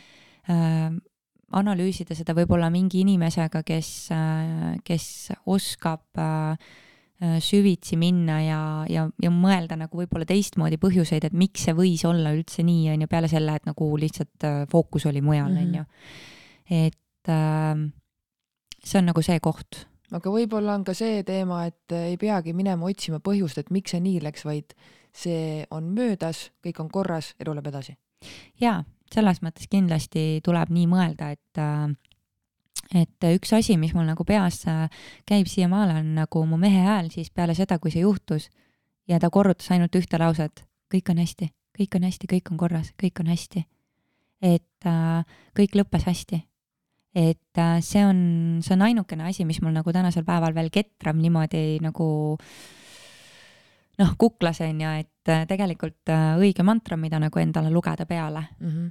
Et ja, ja noh, olgem ausad, vigade parandus sai väga kiiresti nagu tehtud, on ju, Mhm. et ära on ümber et, et selles mõttes on nagu noh, kurb muidugi on mõelda, et äh, vahest on vaja ennem selliseid asju, ennem kui sa nagu tegutsema hakkad, sest meil on kolm last, on ju, ja see tiik on seal kogu aeg olnud. Mm -hmm. Et äh, ja noh, eks seda on meile varemgi räägitud ja ma ei ütle teadlikult, et eks seda on talle varem räägitud, vaid eks seda on meile mõlemale mm. -hmm. varem räägitud, sest minu osa selles oleks olnud see, et ma oleksin pidanud võib-olla trampima varem ka juba jalgu, on ju, ütlema, et kuule, -hmm. mis sa nüüd mõtled siin, on ju, endast. et äh, ma ei võta siit ära ka seda osa, et äh, mina nüüd ei ole nagu midagi teinud, et tema oli nagu justkui lapsega, ei ole, ei. me mõlemad olime väljas, mõlemad lapsevanemad olid hetkel täpselt selles olukorras. mis muidugi mulle nagu silma jäi endale sellest olukorrast, kui ma pärast tegin analüüsi, siis sellel hetkel loomulikult ma ei mõelnud mitte midagi muud peale selle, et lapsega saaks kõik korda, oli see, et äh, koostöö, just see koostöö kohta ajas mind ennem ka nagu muigama, vaata, sest me omavahel sisuliselt me ei rääkinud sellel hetkel, vaid äh, meil oli ainukene fookus oli meil seal, et see väike inimene tuua sellest olukorrast välja ja võimalikult kiiresti. et äh, ja see, noh, seda ma nimetan ikkagi koostööks Mm -hmm. et ja see äh, käib nii vaikimisi, see käib vaikimisi, see käis nii vaikimisi. adraka pealt. jah, ma arvan küll, et äh, siis on nagu, mõistus on terav nagu pliiats. no kellel on, kellel ei vaata. jah, kellel on, sest kellel ei. äh, inimesed äh, reageerivad šokiolukordades erinevalt mm. -hmm. mina ütlen ausalt, et ma tänan õnne, et meile on antud selline, selline nagu reageerimisvõime mm. -hmm. sest äh, võib-olla, võib-olla noh, Oleks juhtub olukord tardunud. tardunud sinna ära, siis oleks nagu pekkis olnud onju Mhm. kõik, et, et selles mõttes see olukord oli selline, nagu ta oli. ma rohkem isegi nagu seda ei analüüsiks praegu hetkel siin nagu, aga, aga jah, et, et äh, vot selline lugu siis nagu juhtus meie majapidamises. Crazy ikka, crazy. ja peale seda muide ma võin öelda, et äh, mis nagu veel on äh, creepy, ma olen terve nädala jagu ainult sattunud äh, vaatama sarju või mingisuguseid äh, olukordi äh, telekast näiteks mm, või äh, kohtunud inimestega, kellel on keegi ära uppunud. terve nädal. see on jälle üks nendest, ma naeran, nagu ma olen kogu aeg rõhutanud, Ants Rootslase momentidest. et äh, esmaspäeval äh,, kui see juhtus, siis tuli välja, et äh, meil on äh, veel sinna inimesi sinna tiiki kukkunud. Õnneks sama õnnelikult on need õnnetused lõppenud. siis äh, teisipäeval, mis asi see oli, mis asja ma nagu sattus, aa, teisipäeva õhtul ma käisin oma last, teist last ära toomas lasteaiast peale seda, kui me haiglast välja saime ja mm, ma võtsin peale ühe tuttava ja küsisin, kuidas sul läheb. Ja ta ütleb mulle, et kehvasti, mu vend uppus ära issand siis jumal. mul kõik ihukarvad tõusid nagu püsti, ma, ma nagu mõtlesin, okei okay,, selge. noh, sa ei oska nagu mitte midagi nagu selle peale kosta väga, onju. siis kolmapäeval, ma ei mäleta, mis mul kolmapäeval täpselt oli, aga jälle oli mingisugune olukord, kus, kus keegi tuli mingi jutuga, et keegi on tal nagu kuskilt lähedastest äh, õnnetuse läbi nagu ära uppunud see ei olnud seotud nagu sellega, et, et me ise nagu rääkisime mm -hmm. sellest olukorrast omavahel. ja neljapäeval siis, kui me olime haiglas, siis meid pandi sellisesse tuppa, kus oli telekas. Vanessaga, noh, kui ma käisin mm. -hmm. nagu ravil, onju. ja pandi meid sellisesse tuppa, kus oli telekas ja siis tuleb selgeltnägijate tuleproov, kus on äh, üks ema, kes on kaotanud äh, kaks last, nii poja kui tütre ja poja kaotas läbi uppumise ja tütre siis äh, läbi selle, et äh, noh, tütar nagu uimastati ja sisuliselt äh, vist, vist, vist äh, narkootikumide üledoosil onju. aga saad aru, ma istusin seal. Sorry, köha. ei ole koroona. et äh, istusin seal ja terve aeg nagu mõtlesin, et miks ma terve nädal neid asju nägema pean miks, miks, see on küll creepy jah. miks ja eile õhtul olen kodus ja mingi järjekordne asi oli täpselt samamoodi nagu ähm, oli seal kuskil nagu mingisugune, aa, too sama õhtu või? Oli see, et äh, vaatasime mehega sarja ja siis seal sarjas oli jälle mingi lapsega õnnetus, kus see lõppes poisi nagu surmaga ja kõik need asjad on olnud meesterahvastega terve nädal otsa aga äkki see on see teema, ma arvan, et mu fookus on lihtsalt, ma ise kogu aeg nagu mõtlen, et see on umbes sama hea, mis sa ostad endale valge auto. ma tahtsin öelda just, et ostad uue mersu, et mul on siuke väga erinev mersu, pole ennem näinud ja siis sa näed, et kurat, kõigil on siuke mersu. jaa, aga nagu see oli, see oli ikkagi nii creepy, vaata mm, -hmm. iga Mhm. päev sulle nagu kuskilt tuletatakse jälle meelde seda mm, -hmm. et äh, aah, vastik. ma võin siit äh, rääkida veel äh, ühte naljakat, no napakat õnnetust. Jär-, meil on natukene aega veel. oi, ma arvan, ma arvan, et me võime siin veel viisteist, viisteist mintsa kindlasti veel laterdada. jaa, mul oli Liiskaniga siuke juhtumine ka no,, minuga ühesõnaga on elus juhtunud kõik need asjad, mida ma arvasin minuga ei juhtu. see on meie kõigiga nii. täiesti haige. ja no siuksed nagu napakad asjad ka, et no pole kunagi kuulnud, et kellelgi juhtub ja siis vaatad nagu huvitav, et mul nagu juhtus jälle, et mis mul nagu viga on. ühesõnaga lõikasin äh, Liiskanil küüsi tangidega. lõikan küüned ära ja panen ta lõunaunne ja ärkab üles, vaatan silm on punane onju. siis lähen, lähen akna alla vaatan. saad aru, tal on see ära lõigatud küüs on silmamuna peal kinni. Oh. siis ma lihtsalt vaatasin nagu, issand nagu, kas tõesti midagi muud ei saaks nagu valida praegu. aga mina olen siuke, et alati kui on siukene olukord, ma hakkan hullult paanitsema, mul on ma, nagu enda mõttes, siis ma mõtlesin, et okei okay,, nüüd ta pannakse üldnarkoosi alla, nüüd tal tehakse ops, sest see küüs on sinna nüüd niimoodi otsapidi niimoodi täitsa sinna sügavale kinni läinud ja siis ta jääb pimedaks ja siis no kuidas see nüüd nagu kõik siis, kuidas see nüüd nagu siis, mis nüüd nagu saab? aga õnneks on see, et äh, mul noh, ikkagi vaata, mõistus nii palju töötab, et hakkad kohe lahendusi otsima. mõtlesin, okei okay, peaks minema EMO-sse vist onju, et noh, ma ise ei saa millegagi kätte, mul ei ole siukseid asju, millega ma seal nagu nühin onju. ma vist millegagi isegi proovisin, vaatasin, fuck, see ei liigu. See ongi nüüd, see on nagu seal, nüüd see on seal selle sarvkesta ja võrkkesta all ja nüüd, no nüüd on nagu kõik, nüüd on kõik. Aga siis hakkasin mõtlema, et eh, mul üks tuttav Ants Haavel, kes on KSA silmakeskuses tööl onju, ta oli mu esimene mõte, ma mõtlesin, no raudselt tal on need teadmised, oskused, aga iseasi, kas ta tööl on. siis ma kuskilt sain ta telefoninumbri. ta ütles mulle, kuule, chill out nagu, mine enda sinna kohalikku EMO-sse ja võtavad seal välja. siis ma ütlesin, okei okay,, ma helistan korra siia Paide haiglasse, et kas nagu saab tulla onju teate, meil pole ammu siin juba silmaarsti okei aitäh, head päeva. siis helistin Antsule tagasi, et kuule, siia ei saa, et noh, ma, ma tulen, et mul pole mingi probleem sõita Tallinnasse Paidest nagu, ma võin Võrru ka sõita või kasvõi Poola, kui on vaja Poolas ära võtta see kuradi küüs sealt silmalt ja läksin Antsu juurde ja üks-kaks ja tehtud.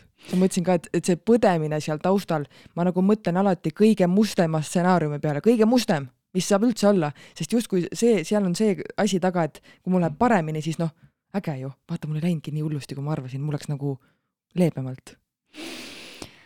Selles mõttes on huvitav, et äh, ma just nagu terve, noh, ma kuulasin su juttu küll, aga ma terve aeg mõtlesin, et kas sa oled tähele pannud, et kui palju muidu me peredena või naistena või kellegagi soiume rahast ja asjadest ja, ja sellest, et äh, näe, toidupoes on kallis ja näed, äh, kuradi pesu ei läinud pesumasinas puhtaks korralikult ja näed, siit põrandal kurat situtakse kõik kogu aeg ära ja mingi pudi on ja, ja see hetk, kui sul nagu lapsega midagi juhtub, sul ei ole sul ei ole kallis järsku ehitada aeda, sul ei ole kallis sõita Tallinnasse, Võrru, kuradi Poolasse, sul ei ole, sul ei ole mitte midagi uh. -uh. sul on lihtsalt see, et nagu ainukene mõte on nagu see, et saaks selle asja korda mm. -hmm ja, ja see raha tundub nagu nii tähtsusetu sellel mm -hmm. hetkel, kusjuures ma siit nagu toon hoopis teise teema korra sisse, on heategevus näiteks vaata, kus inimesed Facebookis panevad üles ja koguvad raha, siis tänasel päeval ma vaatan seda ja ma mõtlen, jumal tänatud, et nad nagu küsivad abi. et kui neil ei ole seda summat ja nad teavad, et selle asja nagu peab korda saama, et nad julgevad küsida sa teed ükskõik mida selles olukorras, isegi sest... kui sul on sitaks nagu häbi, et issand, pean nüüd Facebooki postituse tegema, mul pole raha. tegelikult see on vale häbi. see on vale häbi, sellepärast et nagu mitte ükski elu ei saa olla väärtusetu mm, -hmm. et inimeste käest nagu küsida, et äh, kas sul on see viis eurot. ja mitte ükski summa pole liiga suur ka, mida küsida no,. sest kui me kõik paneme siin viieka, kuule, see summa, mis küsiti, on kolm korda juba ületatud. no täpselt, et ega neid olukordi nagu ju on, vaata see tüdruk, kes ju saadeti sinna Ameerikasse, eks ju äh, sellele ülikallile, ma ei tea, miljon, mida iganes maksis see ravi ju seal onju tänasel päeval ta elab täisväärtuslikku elu, ta on äh, elujõus terve, tubli tüdruk on ju, kellel see lihase mingi atroofia mm, -hmm. mis tal oli, vaata hästi selline raske nimega haigus. et äh, super noh mm, -hmm. et selles mõttes need on need hetked, kus sa saad aru, et raha on lihtsalt paber sinu peos. ja kus sa saad aru, et pole mõtet riigilt abi loodata küsid parem naabri Malle käest, kuule, saad viieka visata ja ütle sellele ütle Villarile ka, et ta viskab viieka, las Vello viskab ka viieka, siis ma saan ravile minna tegelikult on nii ju. me no. kõik aitame hoopis, me aitame teineteist, üksteist eh, palju kuidas ma ütlen, see, see vaene inimene, kellel pole endalgi, ta annab sulle ka ennem selle, kui sa saad kuskilt, ma ei tea, võib-olla asutusest. jaa, selles mõttes see on nagu selline huvitav, huvitav nagu aspekt meil jah, nagu ühiskonnas, aga, aga nii ta on ja ega mm -hmm. seda olukorda ei ole mõtet nagu süüdistada ka vaata, et, et äh, jah. alati saab ravil käidud jaa, kõik saab tehtud, vaata mm, -hmm. olenemata sellest, kas äh, sulle haigekassa näitab keskmist näppu ukse pealt mm -hmm. või ei, onju, kõik saab tehtud tegelikult mm. -hmm et äh, et selles mõttes tasub nagu tänutundes elada, et alati on neid, kes üksteist toetavad ja need on sinu inimesed mm. -hmm. et äh, et jah, ja, ja üks asi, mille, millele ma tahaks veel rõhuda peale seda nagu õnnetust, mis meil näiteks kodus oli äh,. noh, võib-olla mõni inimene ütleb, et kohe nagu ei tahagi rääkida sellest, et nagu veits häbi on ka vaata, onju siis mina ütlen selle peale, et vastupidi, me peamegi sellistest asjadest rääkima, sellepärast et siinkohal kehtib tegelikult ikkagi reegel, et jagatud mure on nagu pool kanda endal mm. -hmm. et äh, kui sa räägid selle endast välja, siis sa nagu mm,? sa nagu lahustad seda nagu väikeste sammude haaval sa elad küll seda iga kord võib-olla uuesti läbi, aga sellest tundest on vaja läbi käia korralikult seni, kuni sa tunned, et sa seda lugu räägid ilma emotsioonideta sa räägid seda lihtsalt nii, et see lihtsalt oli, see juhtus, see oli mm. -hmm. siis, siis sa minu, minu silmis, siis sa, see on minu arvamus mm, -hmm. siis sa mhm. saad aru nagu sellest, et sellel, see on nagu nüüd läbi. jah, lahustunud. lahustunud. et äh, senikaua, kuni sa seda räägid ja see toob sulle ikkagi pisarad silma ja valu südamesse, senikaua sa pead rääkima mm -hmm. Seda lugu edasi ja edasi ja edasi. seni, kuni sa lihtsalt tunned, et ma, ma räägin nüüd seda lihtsalt neutraalselt pinnalt mm, -hmm. täpselt nii, et selline õnnetus meil juhtus ja nii oli. no ma selle Hermanni vaktsiini jamaga oli samamoodi, sest ma olin hullult nagu süüdistav kogu selle haigla poole pealt, ma süüdistasin arste ja mõtlesin nagu, et äh, täiesti lõpp, et äh, noh, ma olin hästi selles süüdistamises ja ma olin hästi ohvri rollis ise, et vaata, mis mulle tehti ja jumal on nõme ja aga see hakkas nagu lahtuma ja lahtuma ja ma tean, et ennem Liisgreniga keisrile minekut ma käisin veel äh, ühe sünnitoetaja juures, sest mulle tundus, et äh, mul on nagu viimane samm veel astuda, et sellest Hermanni jamast nagu saada lõpuks lahti. et ma nagu natukene grammiga veel olin seal ja mõtlesin, et ma ei viitsi nagu selle uue beebiga selles samas vanas energias nagu olla et mul on keiser, mul on kõik okei okay,, kõik läheb hästi, ma juba sain nagu nii palju aru, et noh, ma, ma, mul polnud seda, et issand, äkki läheb midagi tuksi ja mul oli see, et ei, ma lähen Võrru, läksin bussiga Võrru sünnitama, onju. ja räägi, räägi see lugu ka, ma just tahtsin öelda, et räägime need sünnilood kähku ka ära, sest need on ka päris naljakad ja päris nagu, päris nagu tollel hetkel ma tean, et sa elasid tegelikult tohutult seda üle, et sa pidid keisri hästi nagu jõudne oli jah aga noh, ja, ja vaata noh, minusugusele onju, kes lihtsalt läheb ja nuuskab ja on väljas onju mm -hmm., siis tundus nagu, et ma ei saa nagu hästi aru, et miks ja, ta nii endast on, väljas on. see ongi see, et me ei saa mitte kunagi, me ei käi kõnni ja. teise inimeste kingades, me ei saa kunagi. et ma küll nagu sõbrana toetasin sind ja ma nagu tegelikult äh, püüdsin mõista mm, -hmm. aga ma ei, äh, ma nagu hinges ei saanud ju aru, onju, mhm. et issand jumal, et ta ju sünnib igal juhul ära. ja, et üldse lapsi saad ja, ja ta sünnib igal juhul ära vaata mm, -hmm. et kas võtavad arstid ta välja või sa punnitad ta sealt välja, onju, mhm. et noh igal juhul tuleb, onju. ja, ja, aga no selle keisriga oligi see teema, et kuna ma käisin ju pärast Hermanit seal opil ära, öeldi, et, et nagu ei soovitata rangelt mittesoovituslik ise sünnitada, siis äh, ma juba nagu ennem teise, teist last ootama jäädes ma juba, ma juba teadsin, et tuleb keisribeebi, onju, et ma hästi nagu harjutasin juba selle mõttega. aga mul oli hästi raske harjutada, sest minu jaoks oli see nii, keiser on minu jaoks nii ebaloomulik mõtlesin kohe, et siis ta ei saa mul sealt eh, nii-öelda vaagnost ju neid häid baktereid kaasa ja siis need ravimid, mis ma ennem saan ja mis ma pärast saan ja see šokk, mis temal on, et et tema sealt lihtsalt kistakse välja keset päeva, onju. aga tegelikult eh, siis ma jõudsin, kas äkki oli, kelle raamat see oli?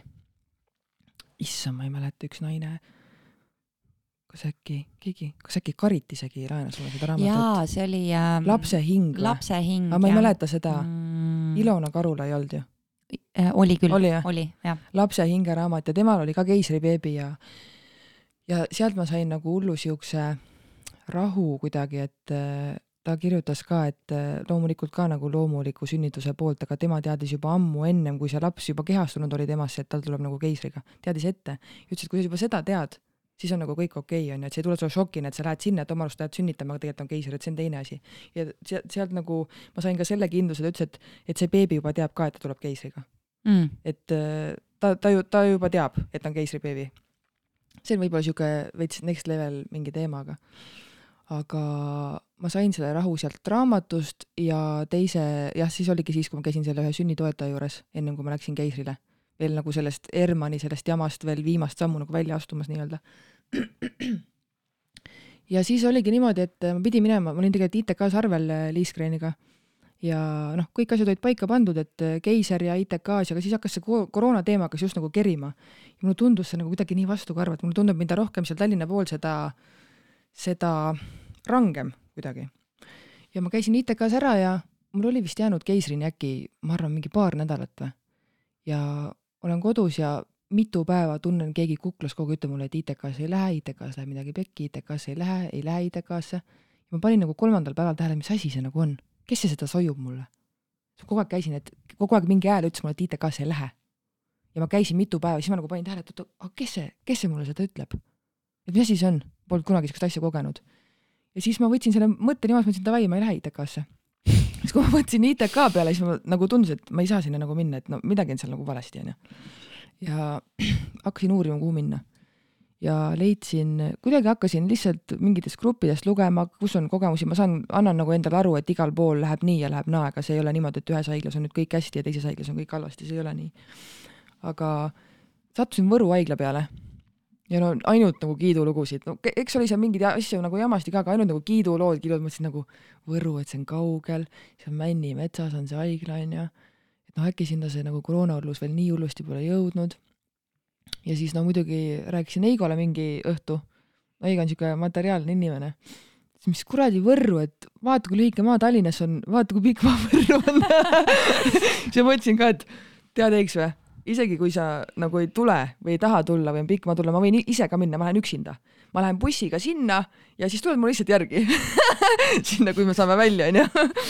ja noh bussiga ma läksingi, siis mul oli vist blogi ka siis sellepärast, et no seda, seda lugu küsitakse siiamaani, et kuule, räägi, kuidas sa ikka bussiga nagu Võrru sünnitama läksid. minu arust see oli nagu nii normaalne.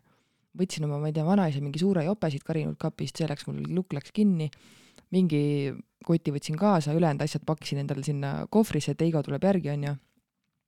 Läksin bussiga Võrru kolmapäeval, neljapäeva hommikul oli keiser, jõudsin sinna, tehti kõik mingid noh, analüüsid või proovid veel ära ja siis oli, tuli välja, et see arst, kes mu vastu võttis ta juba teadis mind, ta teadis Hermanni lugu, siis ta oli blogi lugenud onju see, ma ei pea midagi rääkimagi.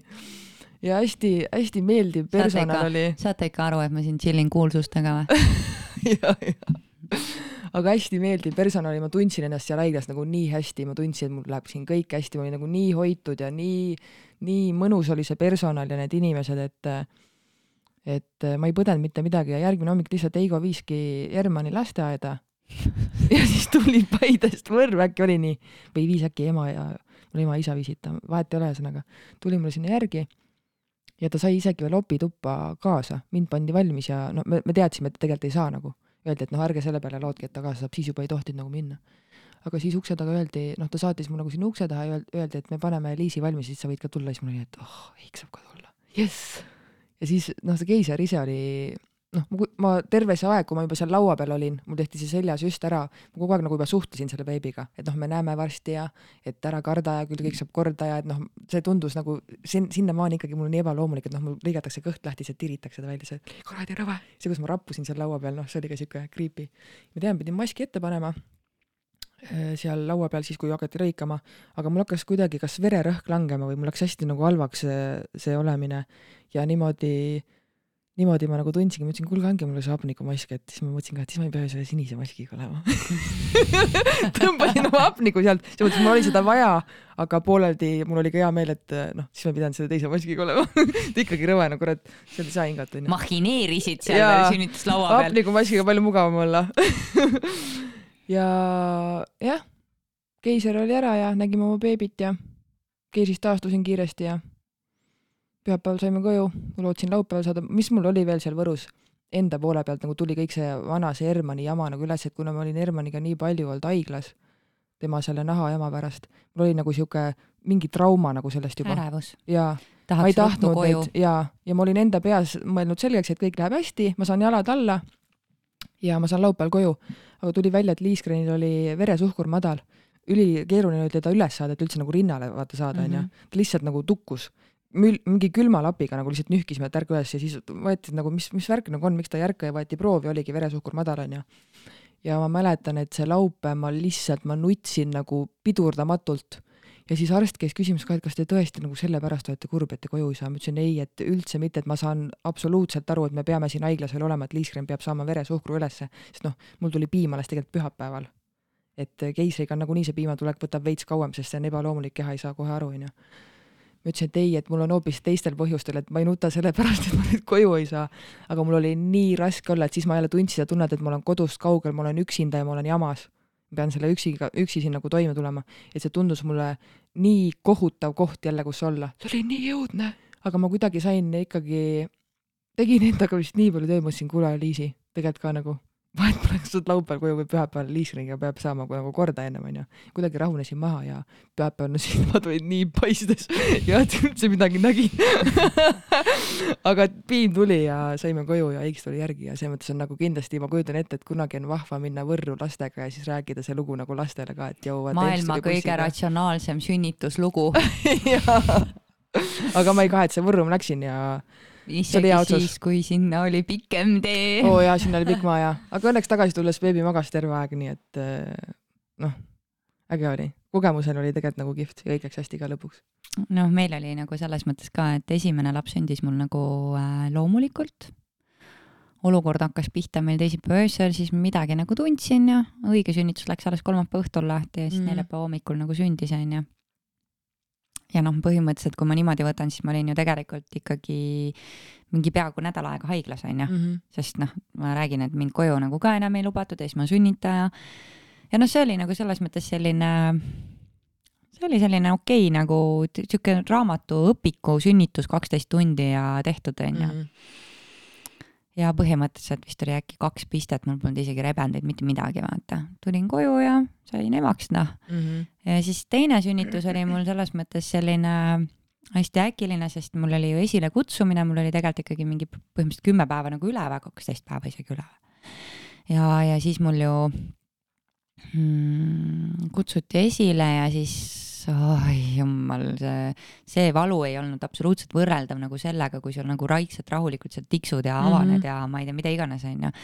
see oli selline järsk poolteist tundi uutamist, aatamist ja siis äh, neli korda äh, neli korda rasket nagu tööd ja tüdruk oli nagu väljas, onju. teen siin vahemärkuse, mul läksid jalad risti mm. seepärast ma ämmaemandate seda sarja vaatangi iga hommik, sest see nagu tuletab mulle meelde, et ma ei taha mitte ühtegi last enam. jaa, aga seal. Sorry, see kõlab inetult, aga. ei kõla, aga no kuule, kui ma sünnitaks niimoodi nagu seal sarjas, ma võiks neid kümme tükki veel saada. UA ja tuleb ja oi, teil on kõik korras. no siis ma võikski nagu teoorias neid kümme tükki saada ju. Sest noh, Mattias, Mattiase sünnitamine oli üldse nagu omaette ooper, tead enam-vähem lõpuks äh, tuttavad ütlesid mulle, et kuule, mine siis ikka nagu vaata, täiskuu on sellel ööl, mine sinna neljaterist sülitu kolm korda üle vasaku õla, et äkki ikka tuleb, vaata, aga no ei, ta tühja tuld. siis läksin esimene september hommikul, jalutasin kohvriga sinna uksest sisse, ütlesin tere, Jolo, ma tulin, vaata. kuigi ma olin öö läbi tegelikult mitu ööd nagu pakitsenud juba, vaata, et ma midagi sain aru, et toimub, aga mul oli selline asi nagu lame veepõis. ehk siis laps ei suutnud seda nagu veepõit nagu ise katki, katki teha, katki teha ja sellepärast mul tuligi lõpuks esilekutsumine, aga kui ma nagu haiglasse jõudsin, siis oli mul tegelikult nagu viis sentimeetrit avatust meesterahvastel võib-olla ei ole nii meeldiv praegu seda juttu kuulata, aga noh, nii oli. ei, kuulake, kuulake. Teil, teile, teile ei avane seal midagi viis senti, kui teile avaneks, te oleks juba surnud. Ja siis põhimõtteliselt oli niimoodi, et peale suu onju. Senti avaneb. aga no nad on aga mõelge, kui teil avaneb kümme senti. Ja siis äh, põhimõtteliselt oli niimoodi, et äh, äh, ma läksin nagu ma mäletan seda hästi, et ma nagu kolmanda lapsega, ma tahtsin üksi sünnitama minna ja noh, teisega ma nagu ei tahtnud ja mul jäi see hästi pikalt ka hinge, et mees ei olnud nagu kaasas. aga, aga kolmanda noh, poisiga nagu ma tahtsin minna, ma kohe tundsin, et ma pean ja ma tahan üksinda nagu minna, et mul on nagu beebiga need hetked üksi ja et ma nagu naudin seda ja kõik ja ma nautisin seda, ma tohutult nautisin mm -hmm. seda, mul on esimesed hetked oma titaga nagu niimoodi et ainult meie kaks olime ja siis äh,. aga sul oli ka niimoodi, et kuule, kallis abikaasa, ma lähen käin korra seal haiglas ära, et pärast näeme, siis ma tulen kahekesi koju. no põhimõtteliselt meil oli niimoodi, sellepärast et äh, mees viis mind ära, kusjuures tegelikult tema tuli veel hommikul nagu sinna saatma mind ja ta tegelikult äh, nagu mulle tundus, sugugi ei soovinud sealt ära minna, mulle vähemalt jäi selline mulje. aga tema siis läks nagu koju tagasi ja mina siis läksin nagu sinna äh, äh, sünnitama ja, ja siis hommikul nagu oligi, tõmbasin selle kitli selga seal onju ja läksin, viskasin seal lebosse ennast onju, pandi see nii-öelda balloon mulle ja siis öeldi, et noh, et eks siis noh, vaatame, mis nüüd siin saama hakkab ja ja ma ütlen ausalt, ma ei olnud absoluutselt nagu mingisuguses optimistlikus meeleolus, et ma olen kuulnud igasuguseid lugusid selle kohta, kuidas esilekutsumised lähevad tuksi. Neid lugusid tead, ärge, ärge rääkige kaks päeva lõpuks seal äh, kutsutakse esile ja siis kolmandal päeval võib-olla sünnitad ja noh, mida iganes, onju. ega mina ei saanud aru ju vaata selles mõttes, et sa ikkagi nagu sa ikkagi sada protsenti ju ei tea, vaata, kuidas nagu kogu see protsess mm -hmm. nagu võib, kui kiireks võib minna noh, läksin siis rahulikult, kell oli vist üheksa, kui ma sinna läksin, siis läksin rahulikult palatisse onju, istusin sinna maha, mõtlesin, midagi ei toimu. Mees helistas, võtsin videokõne vastu, küsis, et no mis teed seal, vaata, mina ei tea, midagi nagu ei toimu, et ma arvan, et ennem õhtut siit nagu midagi ei tule ja ja, ja et pff, vaatan siin filmi ja chillin ja vaatasingi telefonist, vaatasin Hitleri dokfilmi, ma mäletan teisest maailmasõjast ja. päris normaalne asi, mida vaadata küll enne sünnitust, aga samas võib-olla väga õige asi. noh, selles mõttes, et äh, ajalugu on alati mind huvitanud ja, ja see teise maailmasõja aegne periood ja kõik see asi nagu äh, on alati mulle nagu kuidagi, ma ei tea, miks, mind huvitab see lihtsalt. kusjuures mind huvitab seda. ka praegu, kui sa sellest räägid, ma pole kunagi sellest ajaloo asjast rääkinud, aga mind huvitab ka ajalugu ja siis vaatasime seda ja, või tähendab, vaatasin seda ja siis äh, mõtlesin, okei okay,, et noh, lähen käin nagu vetsus ära, onju, vetsuhäda tuli. tulen vetsust tagasi ja tunnen siuke esimene siuke nagu suurem nagu kokkutõmme. aga see ei olnud ka nagu nii valus, et ma oleks nagu mingi ägisenud seal mm -hmm. nüüd mhm. niimoodi nagu filmides, haaranud kõhust kinni ja karjunud seal onju, ei.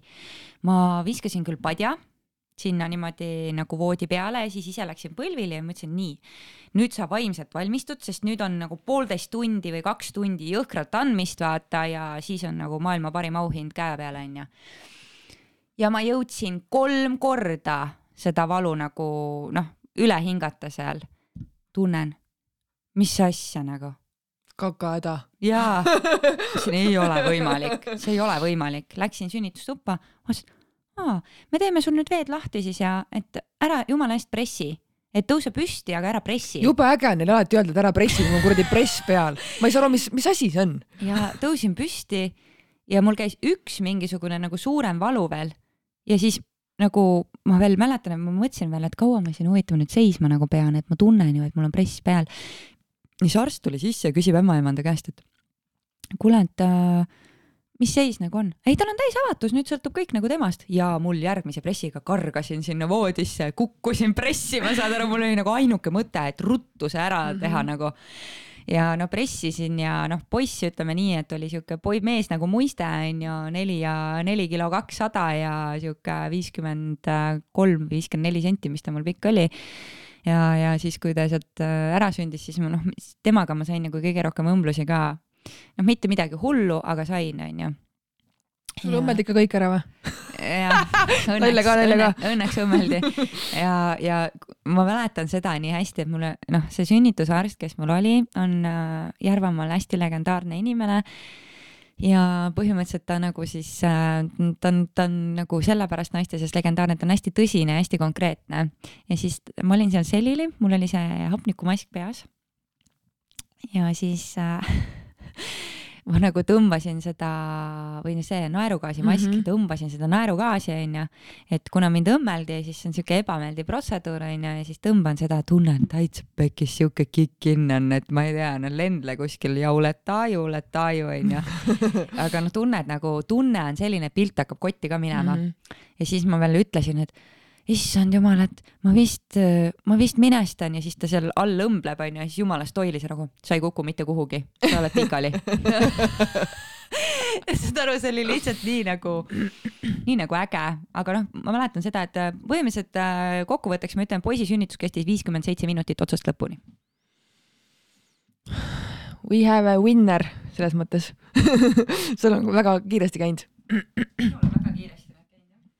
aga ma mäletan, et kui mina, ma sain ju Hermanile ka tegelikult selle esilekutsumise paberi, sain selle esmaspäevasel päeval, käisin hommikul arsti juures ära ja jõudsin koju, ma hakkasin vist blogipostitust sellest kirjutama. ma olin veel Heigo ema juures.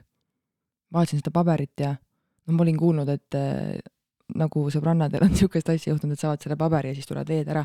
siis mul juhtus sama asi õnneks istusin seal diivani peal ja kõik need veed, mis mul tulid, lahisesid sinna diivani sisse ja siis ma mõtlesin, okei okay,, kõht tajus alla, mõtlesin, okei okay,, nüüd vist nagu läheb asjaks ja siis tuli nagu sihuke ärevus sisse ja mõtlesin, et appi nagu huvitav, kaua mul läheb ja kuidas mul läheb ja aga siis kutsusin Eigo järele ja ütlesin, et ära nüüd hakka nüüd kohe rapsima, et äh, mul siin alles tulid veed ära, et äh, mis siin pole nagu hullu midagi, et äh, tule siis, kui tuled aga ta oli kellegagi vist kuskil koosolekul, ütles, et kuule, mul tulid naisel veed ära ja siis keegi meesterahvas, kellel olid juba varasemalt, varasemalt nagu mõned lapsed, siis ütles, et kuule, kui veed tulid ära, siis las sitta see koosolek, mine, mine, mine praegult sinna mine võta oma see naine peale, minge haiglasse, onju. mul oli see ka, et jõudsin haiglasse.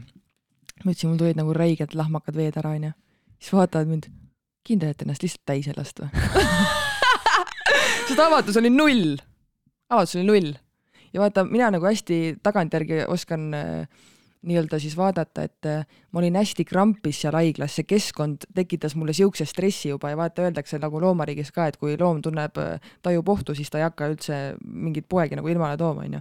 ja see oli hästi siuke stressirohke, et, et see öö, mis seal möödus ka, ma lihtsalt valutasin ja mõtlesin nagu, et no kurat, kaua see siin kesta võib, see oli nii õudne, sest ma lihtsalt valutasin, mul oli jube valus, mul tulid tuhud hästi nagu kiiresti ja need käisid kogu aeg, aga avatust ei tulnud. Tead sa, mina üldse mõtlen nagu seda, et äh, jube raske on ikka neitsi tähtkujust olla meil mõlemal, sellepärast et äh, minu arust kõige hullem asi, mida nagu neitsile, neitsi tähtkust inimene, kõik eranditult mu sõbrannad, on see teadmatus mm. -hmm. kõige hullem asi kõikidest asjadest kuidas on see, kui lähen... ma ette ei tea midagi ma kuidas... lähen ülinärvi. kuidas ma lähen sünnitama, kui ma ei tea, kuidas mul läheb jaa, et mina pidin näiteks kõigi kolme sünnitusega tegelema nagu selles mõttes, et ma pidin tohutult eeltööd sisemiselt oma emotsioonidega nagu tegelema, et aru saada, et see läheb nii, nagu ta mm -hmm. läheb ma ei saa seda suunata, ma ei saa seda sundida, ma saan ainult beebiga rääkida, paluda, et ta võimalikult vähe nagu ma ei tea, haiget mulle mm -hmm. teeb ja et ta tuleb võimalikult ilusti ja kiiresti ja ma ei tea, mida iganes. Ja valutult onju, ja kusjuures ma ei tea, Toor Mattias kuulis vist minu soove, sellepärast et ta tegi seda kõike onju -hmm., et see oli tõesti väga nagu ilus sünnitus ja väga kiire sünnitus. aga, aga nagu muidu nagu see teadmatus, see on nagu oh,. see on selline trigger tihtipeale nagu üldse lastega näiteks ka, kui nad mingi ootamatu asja nagu kodus sul kokku keeravad, vaata, siis sul on nagu see, et I didn't see that coming jaa, see ei ole üldse, on nii, see on nii plaaniväline, et see ei sobi jaa, et noh, nagu ma olen selle pannud, noh see, selle kohta öeldakse, et äh, noh, et ei maksa nagu seda panna tähtkuju arvele, et sa oled sitapea, onju, aga nagu selles mõttes tegelikult, äh, tegelikult nagu nii on, et mm -hmm. mina küll ütlen seda, et see ette planeerimine ja teadmine, et nagu mis saab ja, ja, ja noh, kasvõi see, et mida teised inimesed mõtlevad või tunnevad, see on nagu tohutult oluline yeah., seepärast ma oma lastega näiteks ka räägin väga palju nagu, et ma üritan õhtuti või sellisel hetkel, kus ma maha istun lõpuks või mis iganes, küsida alati näiteks vanema tütre käest, et kas on midagi, mida sa soovid minuga jagada või, või, või kas sa tahaksid mulle midagi rääkida või sa olid nagu seal ennem natukene kehvas tujus või õnnetu, et mis, mis see põhjus võis olla, sest äh, see, et ma nagu kohe ei reageeri, ei tähenda seda, et ma ei registreeri ära mm -hmm. seda, aga lihtsalt äh, see nagu teadmatus, kui keegi jääb vait ja vanemal tütrel on see, et ta, ta on tulnud hästi tugevalt mulle seda minu arust õpetama, et ta jääb nagu vait ja ta ei ütle sulle mitte ühtegi sõna enam, ta läheb nagu lukku, kui ta vihastab ja siis sa ei tea, mis seal peas nagu kerib ja toimub, vaata mm. -hmm. ja see on nagu selline, et kuus fraba lihtsalt nagu ma ei tea, andke mulle mingi viharavi või midagi, et mm -hmm. ise mhm. lähed ka närvi selle peale mm -hmm. nagu totaalselt, aga noh, räägin, ega laste saamine on töö iseendaga. ja ongi, et Hermanni puhul, mida ma olen tähele pannud viimasel ajal, on see, et ma ise nagu ise ei ütleks, et ma olen väga niisugune väljendusrikas inimene, et ma kodus nagu hästi räägin kõik asjad läbi ja selgeks või kasvõi kui me Eigoga suhtleme, et et ma nagu räägin hästi ausalt ja kõigest nagu laste ees või et, et kust see Hermanil tuleb, Herman näiteks selline, et ta tuleb täiesti lambi hetkedel, emme, sa oled nii kallis mulle. emme, ma armastan sind. emme, ma olen nii rõõmus, kui sa minuga klotsidest garaaži ehitad. et mulle tundub, et see on nagu nii äge, kuidas nii väike laps suudab nagu nii selgelt ennast väljendada kuigi ma tajun, et ma ei ole justkui tegelikult andnud selleks eeskuju. et kust see tuleb? Mm, jah, selles mõttes, et ega meil on samamoodi tihtipeale, et lihtsalt täiesti ootamatult karratakse sulle kaela, et emme, sa oled nii kallis või ma armastan sind nii väga, et. aga no samas, eks endal tuleb ka võib-olla vaata mehega seoses niisugune nagu tuju peale, no kindlasti ma arvan harvem kui lastega, aga või kui lastel, aga et noh, et lihtsalt sihuke nagu kõik lahtub ära ja sul on sihuke mõnus olla ja enesetunne on hea ja siis tunned, et noh, tahaks võib-olla midagi head nagu öelda. aga kui palju sina näiteks võtad äh, ise lapsi niimoodi, et sa lihtsalt ootamatult lähed ja kallistad teda? ikka palju jah. no sama ja. et see on tegelikult täpselt seesama onju, et sealt nad võtavadki selle mm -hmm. eeskuju, et see on täiesti okei okay, nagu tulla igal suvalisel hetkel ja kallistada ja öelda mm -hmm. sulle midagi ilusat, mis tõstab nagu sinu tuju või mis nagu annab sulle mingi emotsionaalse nagu väärtuse. et äh, selles mõttes äh, ma ütlen, et lapsed on ka nagu sama palju, kui nad võib-olla võivad olla tujurikkujad, on nad tujutõstjad ka, et see asi on nagu tasakaalus minu jaoks, et et, et kõige valusamad hetked on olnud need, kus mina nagu näiteks äh, pragan millegipärast. tahtsin just selle teemani jõuda ka siia lõppu nagu. ja siis äh, laps tuleb täiesti siiralt ja võtab mul ümbert kinni ja ütleb, aga emme, mina armastan sind.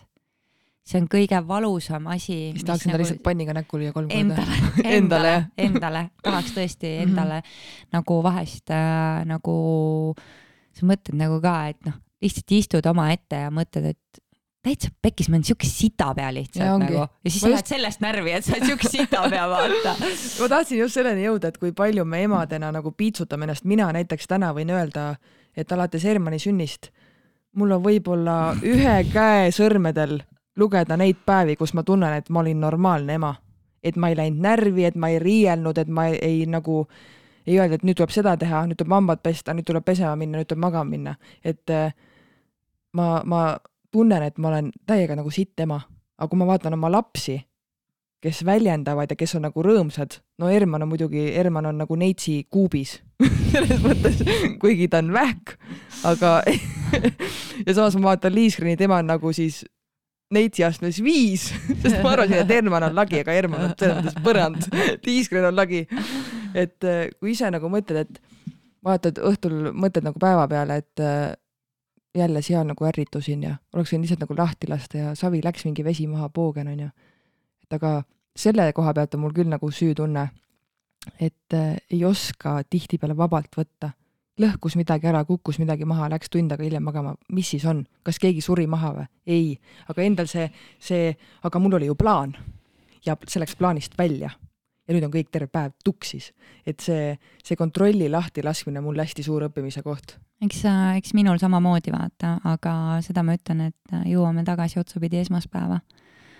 kus peale seda kõik sellised asjad tunduvad lihtsalt ülimõttetud ja siis ma mõtlen, et kas meil on tõesti selliseid asju vaja selle jaoks, et aru saada sellest, et äh, kas nad lähevad kümme minutit varem või hiljem magama või vaidlevad sulle milleski vastu või mm, või lõhuvad mingi väikese asja sul kodust ära nagu ma, ma nagu abikaasale ütlesin ka esmaspäeval, et ma olen lihtsalt nii tänulik, et nad lihtsalt on olemas. mul on täiesti ükskõik tänasel päeval nagu selle pärast, et elus ei anta sulle teisi võimalusi nagu palju mm, -hmm. kasuta neid ära. Et äh, see, see nagu lihtsalt oli üks nendest hetkedest, kus lihtsalt nagu terve nädal ma ütlesin sulle ennem nagu, kui me alustasime, et ma pole vist elu sees nii rahulik ja nii neutraalne nagu olnud, et minu sees nagu ei oleks justkui mingit tilkagi, mitte mingisugust viha. et äh, Äh, sihuke, sihuke hästi nagu chill olemine on või ma, ma ei oska nagu öelda, et äh, ja isegi kui ma võib-olla nagu tundun närviline, et noh, et ma nagu ütlen nagu lastele, et ole hea, pane nüüd see pidžaama sinna või ole see, et noh, pigem on nagu see, et ma lihtsalt olen hästi konkreetne, aga ma ei ole nagu kuri mm, -hmm. et äh, see kurjus on nagu selline asi, et tegelikult tuleb aru endale anda vanemana, et see kurjus ei ole mitte see, et lapsed teevad midagi valesti, vaid äh, see kurjus on tegelikult see, et me oleme vanematena kas läbi põlenud või väsinud tegelikult mm. -hmm. Et kui ma mingi hetk ütlesin, et äh, ma ei suuda Tanel Jeppineni enam vaadata, kes on nagu nii leebe ja nii nagu rahulik, on ju, leebe ja la, leeb, oota, kuidas, kuidas see uh,, leebe ja kõigega nõus on ju mm, -hmm. siis tänasel päeval ma nagu mõtlen, et tegelikult uh, see inimene on jumalast õigel teel omadega, sest uh, lapsevanemluse juures mina olen aru saanud, et sa ei tegele mitte millegi muuga kui ainult iseendaga mm. -hmm. pidevalt, tahtsin... lapsed on lihtsalt sinu peegel ja sinu palgapäev kõik, mida nad teevad või tegemata jätavad mm. -hmm. ma tahtsin just selle veel tuua, et Herman näiteks läheb mingi asja peale närvi või ei saa hakkama, ei saa, ma ei tea, sokke jalga midagi, ta läheb närvi, onju. ja siis ma nagu vahel mõtlen, et ma olen äh, kolmkümmend üks ja ma ei saa ka vahel kuradi ust lukku või asja, ma lähen närvi. ja siis ma nagu ootan, et see kolmeaastane nagu ei läheks närvi. aa, chill, ma ei saa sokki jalga, ma olen teadlik, ma ei lähe närvi, küll ma selle soki ükskord jalga saan. Nad ei analüüsi ju niimoodi. isegi meie ju ei saa, meie lähme ju ka närvi, aga see, mida me enda lastelt nagu nõuame ja ootame, kui nagu hakkad kõrvalt vaatama, see on utoopiline. vaata nagu peeglisse. kass läks katki, kuradi maailma lõpp ja siis ta ei saa sokki jalga, tal on maailma lõpp, aga maailma lõpp on meil mõlemal. ainult, et meil on kolmkümmend aastat vahet, onju, veits vähem. jah, see on nagu see, et äh, ma ütlen, et sellisel juhul ma mõtlen alati, et äh, minu sisemine laps pole vist veel suureks kasvanud, vaata mm. -hmm. Et äh, tegelikult äh, mina olen tänasel päeval kolmkümmend kolm, on ju, aga mingitel hetkedel ma lihtsalt kirun ennast ja ja nii, et äh, vaimusilmas mul ninast vist tuleb tossu ja kõrvadest tuleb tossu ja siis ma alati mõtlen, et nojah, selge, läksid jälle sinna samale tasemele tegelikult, mis mm -hmm. on mhm. kolmeaastane, on ju et äh, tegelikult ei tohiks nagu, või mis ei tohiks, see on ka nagu loll öelda, onju, me oleme inimesed, vaata ikka nagu ärritavad mingid asjad, aga tegelikult äh, probleemi juur on ju kuskil mujal mm. -hmm. see tähendab lihtsalt seda, et sa oled äh, endalt midagi ära võtnud ja, ja samas loodad lastelt nagu seda saada yeah.. et äh,. aga keegi ei kompenseeri seda peale su enda, ikka ise jaa, ei no tegelikult ongi nagu see, et on täiesti reaalselt äh, hetki, kus äh, tänasel päeval ma nagu saan aru, et äh, hinga sisse, hinga välja ja nüüd on nii, et tund aega julma käega lihtsalt ma annan need lapsed mehe kätte ja ma lähen teen midagi ise mm -hmm. endale, sellepärast et see läbipõlemine tuleb emadel nii kiirelt, et nad isegi nagu tegelikult ei pane seda ei tähele. panegi, sa paned ikka väga viimases hädas seda tähele juba ühel hetkel tösserdadki oma sitaste dressidega sinna ukse peale, krunn peas ja silmad äh, paistes peas onju, siis mm -hmm. sa oled mhm. kas väsinud või on sul nagu mingid mured või ja, ja tegelikult oled sa kogu aeg ära kuskil, et äh, see kohalolekmine on äh, nii harv seisund tegelikult tänapäeval minu arust vanematel, et pidevalt me kaabime või siis äh, või siis nagu istume lihtsalt jõude onju telekas, vahime nagu suu ammuli telekat, samal ajal lapsed nagu mängivad, kutsuvad mängima ma ei jaksa, ma ei viitsi. samas oleme nagu isekad ka, meil on pere, me ei saa enam isekad olla, me ei ole enam üksinda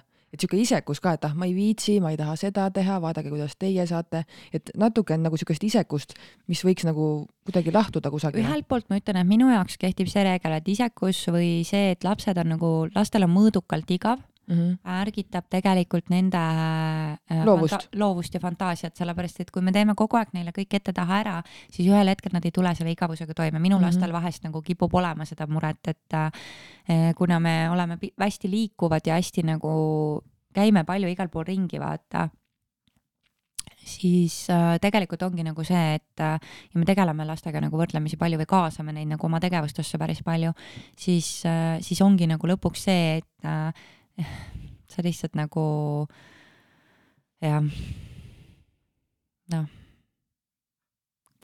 nagu kuidas ma ütlen, see on nagu niisugune omapärane nagu hetk, kus sa saad aru, et noh, see läbipõlemine on nagu nii lihtne nagu mm -hmm. tulema sealt, onju, et, et. mis teistpidi jälle isekus on hea, sa pead ise olema nii palju isekas, et sa lähed eemale vahel kuidagi laed ennast ja, ka. ja, ja noh, see on ka okei okay,, sellepärast et noh, et ennem kui me olime lapsevanemad, olime me tegelikult on ju mees ja naine lihtsalt ja, ja ennem kui me olime paar, olime me täiesti eraldiseisvad inimesed. me ei olnud üks ja tegelikult nagu minu arust kõige hullem asi ongi see, me räägime kõigest ja me oleme üks mina küll kõigest ei räägi oma mehega ja ma ei ole ka kindlasti üks, sellepärast et äh, minu mees on minu mees ja mina olen mina ja me oleme suhtes ja me anname aru, et meil on ühised asjad, ühised tegevused, aga täiesti okei okay on see, kui üks või teine vanem võtab enda aega ja leiab enda tegevusi ja on oma sõpradega vahepeal koos.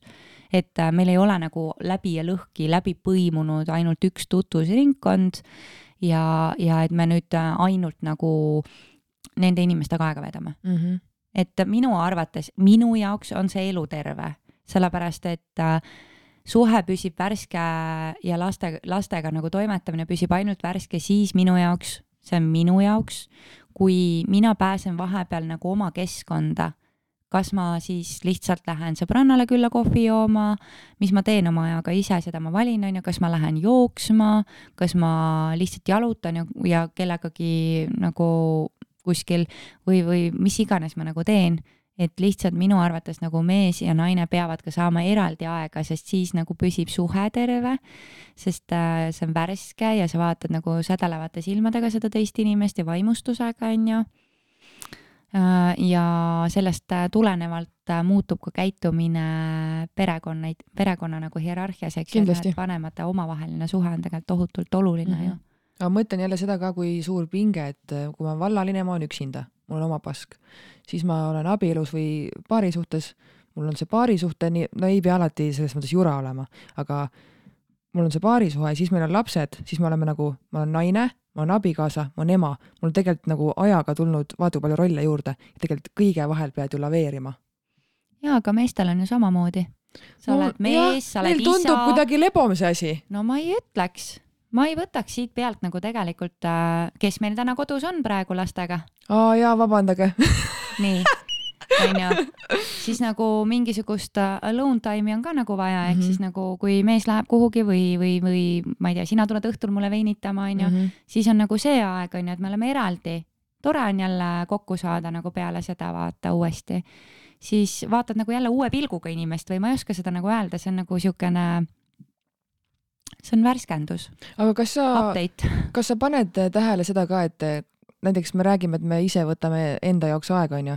kas sa tajud, et su mees võtab ka sama palju aega enda jaoks, ainult iseenda? Läheb sõbraga õlut jooma, sauna, jooksma, trenni, üksi? ei. noh, vot. minu mehel on äh, äh, töö, siis on kodused toimetused, siis on trenn.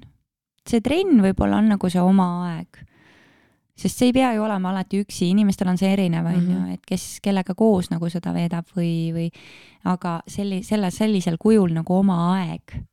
et ta on nagu ilma lasteta ja mm -hmm. ilma minuta. ilma tööta. ilma tööta ilma või kordeta. ilma mingisuguse nagu koduse toimetuseta um,. vähe ma ise tajun ka seda Eigo puhul, et kui mina olen siuke, et kuule davai, ma lähen sõbrannadega sinna-tänna, ta käib ka, aga minu jaoks näiteks, nagu sa tõid enne näite, et lähed jooksma, onju, seal sa oled ju üksinda oma mõtetega. et mulle tundub, et mehed nagu kuidagi, sihuke klassikaline keskmine Eesti mees, mulle, võib-olla ma saan nagu valesti aru, aga mulle jääb mulje, et ta nagu väga ei tahagi olla iseendaga üksinda, et ta, kui ta tahab puhata, ta läheb seltskonda, aga seal jällegi, ma ei tea, ma ei oska öelda, vaata üksinda tulevad ikka teistsugused mõtted ja vaatad võib-olla sügavamale enda sisse. seal seltskonnas on lihtsalt noh kellel on noorem armuke ja kellel on suurem maastur. et noh, palju me areneme siis seal jah, see sõltub seltskonnast kindlasti ka, vaata, kellega sa ennast nagu seod või sidunud oled, aga, aga selles mõttes ma ütlen, et, äh, et seda üksinda aega nagu pigem nagu see on väga tervitatav. Nagu kindlasti minu kodus on see väga tervitatav, kuigi ma ütlen ausalt ma olen naine, kes isegi siis suudab vahest natuke ärrituda seesmiselt, et persse nagu, miks sinul see oma aeg nüüd siis olema peab mm, -hmm. tahaks ka seda oma aega. aga noh, samas jälle ma saan aru sellest, ma tegelikult äh, peaga ma nagu mõistan ja südamega tänasel päeval ma ka näen seda, et seda on vaja mm, -hmm. et vahest ongi kõige parem lahendus lihtsalt see, kui mees läheb äh, oma sõpradega, istub ja teeb sauna ja joob õlut, on ju, või jumal teab tuleb sul purjus päi koju, on ju, mhm. ongi restart, vaata.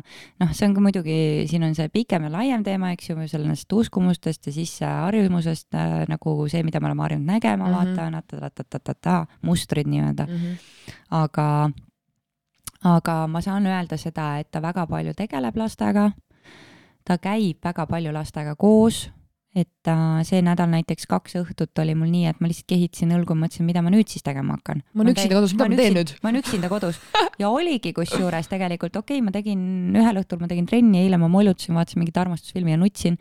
noh, see on jumala normaalne aga, aga aga jah, selles mõttes nagu suhe, suh-, suhe nagu iseendaga, suhe oma partneriga ja suhe oma lastega, kõik on ju seotud omavahel, et me ei mm, -hmm. me ei saagi nagu tegelikult neid ära eraldada. ei saagi.